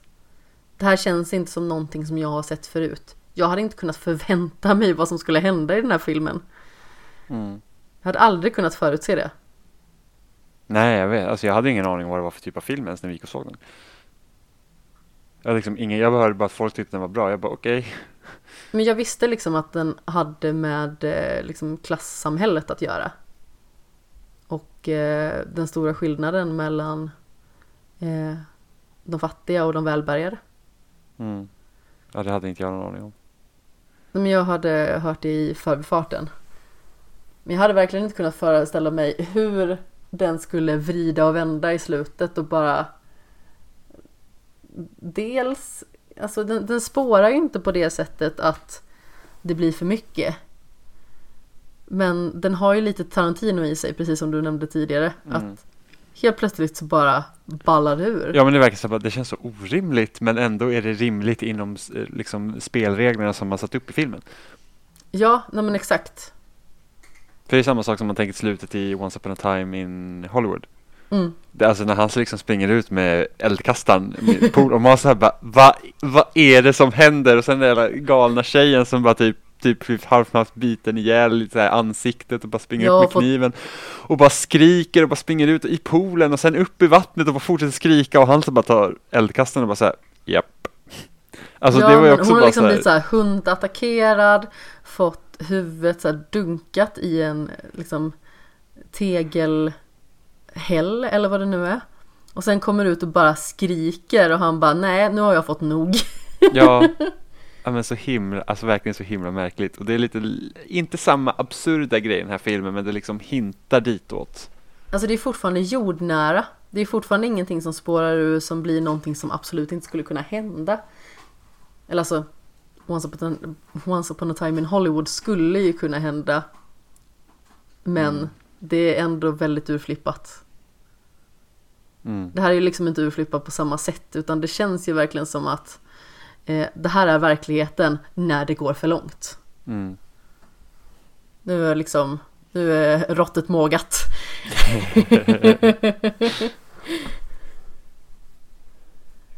Vi kommer ju få anledning att prata lite mer om den här nästa vecka. Är tanken. Mm.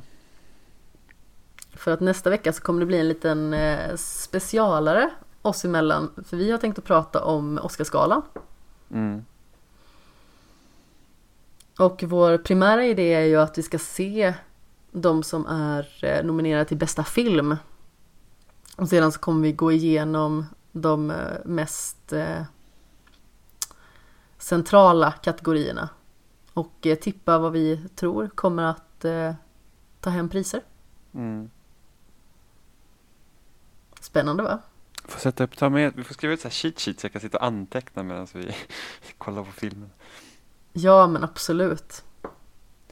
Eh, jag har aldrig liksom dedikerat mig till att se alla filmer eller sådär innan i Oscarsgalan. Så det ska bli väldigt roligt tycker jag. Eh, för innan så har jag stått lite mer på utsidan och tittat in och sen så har jag ju liksom kanske hållit någonting högt som jag faktiskt har sett. Jag vet ju att jag eh, höll ju The Favourite högt. Jag höll ju eh, Three Billboards Outside Ebbing, eh, Ebbing, Missouri högt. Det året som den var nominerad i olika kategorier. Eh, men nu ska det bli intressant för nu är det ju väldigt många bra filmer som ställs emot varandra. Mm. Och det känns ju som att av de tre filmer som vi båda hittills har sett så finns det ju en, en klar favorit hos oss. Men samtidigt så är det, är det kanske liksom inte alls vad liksom resten av världen ser. Så vi ska ju försöka tippa vad, vad vi tror kommer att vinna. Mm. Även att jag tror att alltså hittills det vi har sett så är ju Parasite det bästa. Mm. Vi har också sett Once upon a time in Hollywood som båda tycker är väldigt bra och sen så har vi sett eh, Joker också. Mm. Ja, Parasite piskar de två filmerna Mm. tycker jag ganska lätt. Och då tyckte jag ändå att eh, Once upon a time in Hollywood är en fantastisk film. Verkligen. Suverän. En av Tarantinos bästa. Jag måste se om det går att hyra Joker någonstans nu för att jag måste se om den. Eller jag måste se den mer än början och slutet.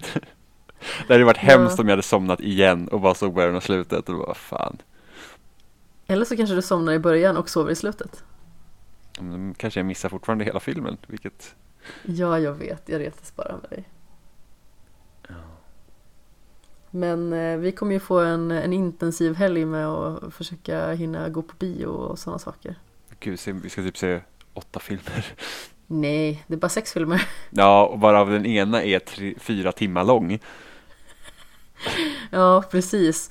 Men det är ju i alla fall skönt att vi har både The Irishman och eh, Marriage Story på Netflix. Mm. Verkligen. Ja. Så då slipper vi eh, lämna huset eh, alla de sex gånger i alla fall. Ja, Härliga tider.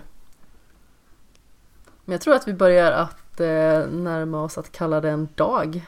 Eller vad säger du? ja, Jag känner att jag lät väldigt högfärdig där. ja. Eller vad säger du? Mhm. Min gode kamrat. Åh jösses. Eh,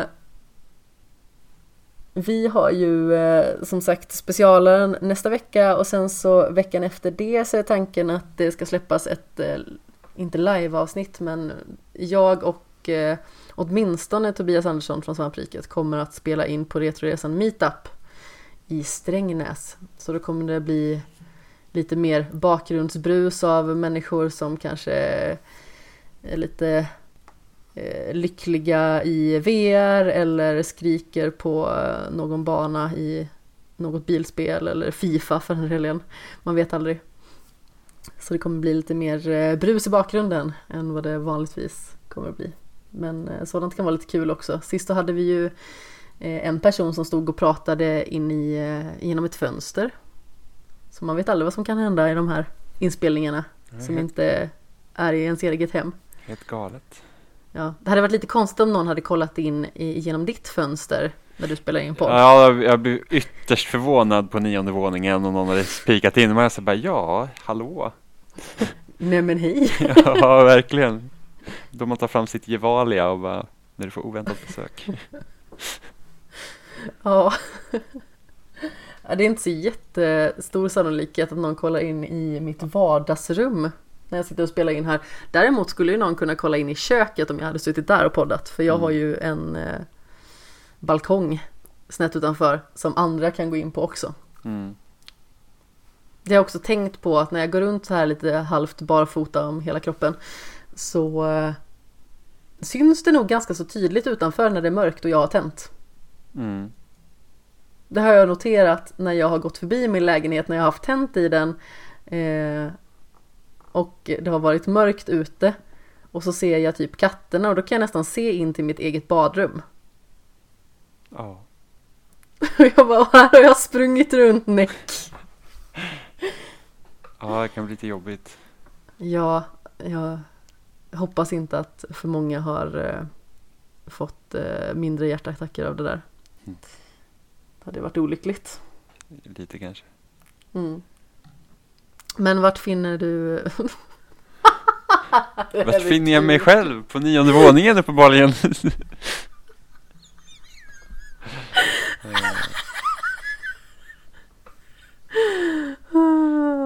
ja, nej, jag, eh, jag, Vart finns du för någonstans? jag pratar om spel i spelsnack. Eh, Ja. Så det kan ni hitta där ni lyssnar på podcast. Eh, jag skriver på loading på loading.se och jag finns på Twitter på Seppala13. Ja, och det kommer i dagarna komma ut en recension av dig som handlar om vad? Ja, jag har spelat senaste Dragon Ball-spelet. Precis. Så då får ni hålla ögonen öppna på loading helt sonika för att Mm. läsa den recensionen om det är någonting att ha. Och sen naturligtvis kan man ju lyssna på spelsnack ifall man vill höra oss prata mer ingående om spel med våra andra kära vänner därifrån. Ja. Och eh, mig hittar man på snabbla kapten Sten på sociala medier. Sten med två E. Och skämshögen finns naturligtvis på både Twitter och Instagram i form av snabbla skamshogen. Finns på Facebook, finns på Wordpress och finns i allmänhet där poddar finns. Så har man tröttnat att lyssna på den här podcastappen som du lyssnar på just nu, då kanske du vill testa Spotify eller eh, något annat spännande. Finns skämshögen där också. Men eh, ja, vi kallar det en dag och så ses vi inför ett, eh, en Oscarsgala nästa vecka. ja. Och du får ha det så himla bra. Detsamma. Det känns himla konstigt, det känns så formellt att säga. Verkligen. Har, har det gött! Ja, som att vi inte kommer att sitta och prata efteråt på något vis. Nej, nu är det slut. Det känns som att vi så skakar hand i podcastform. Mm. Och sen går vi åt samma håll och så blir det jättepinsamt. Ja, precis. Så kan vi inte prata med varandra. Nej. Exakt. Ja, hur som haver. Eh, Puss i ljumsken. Hej då!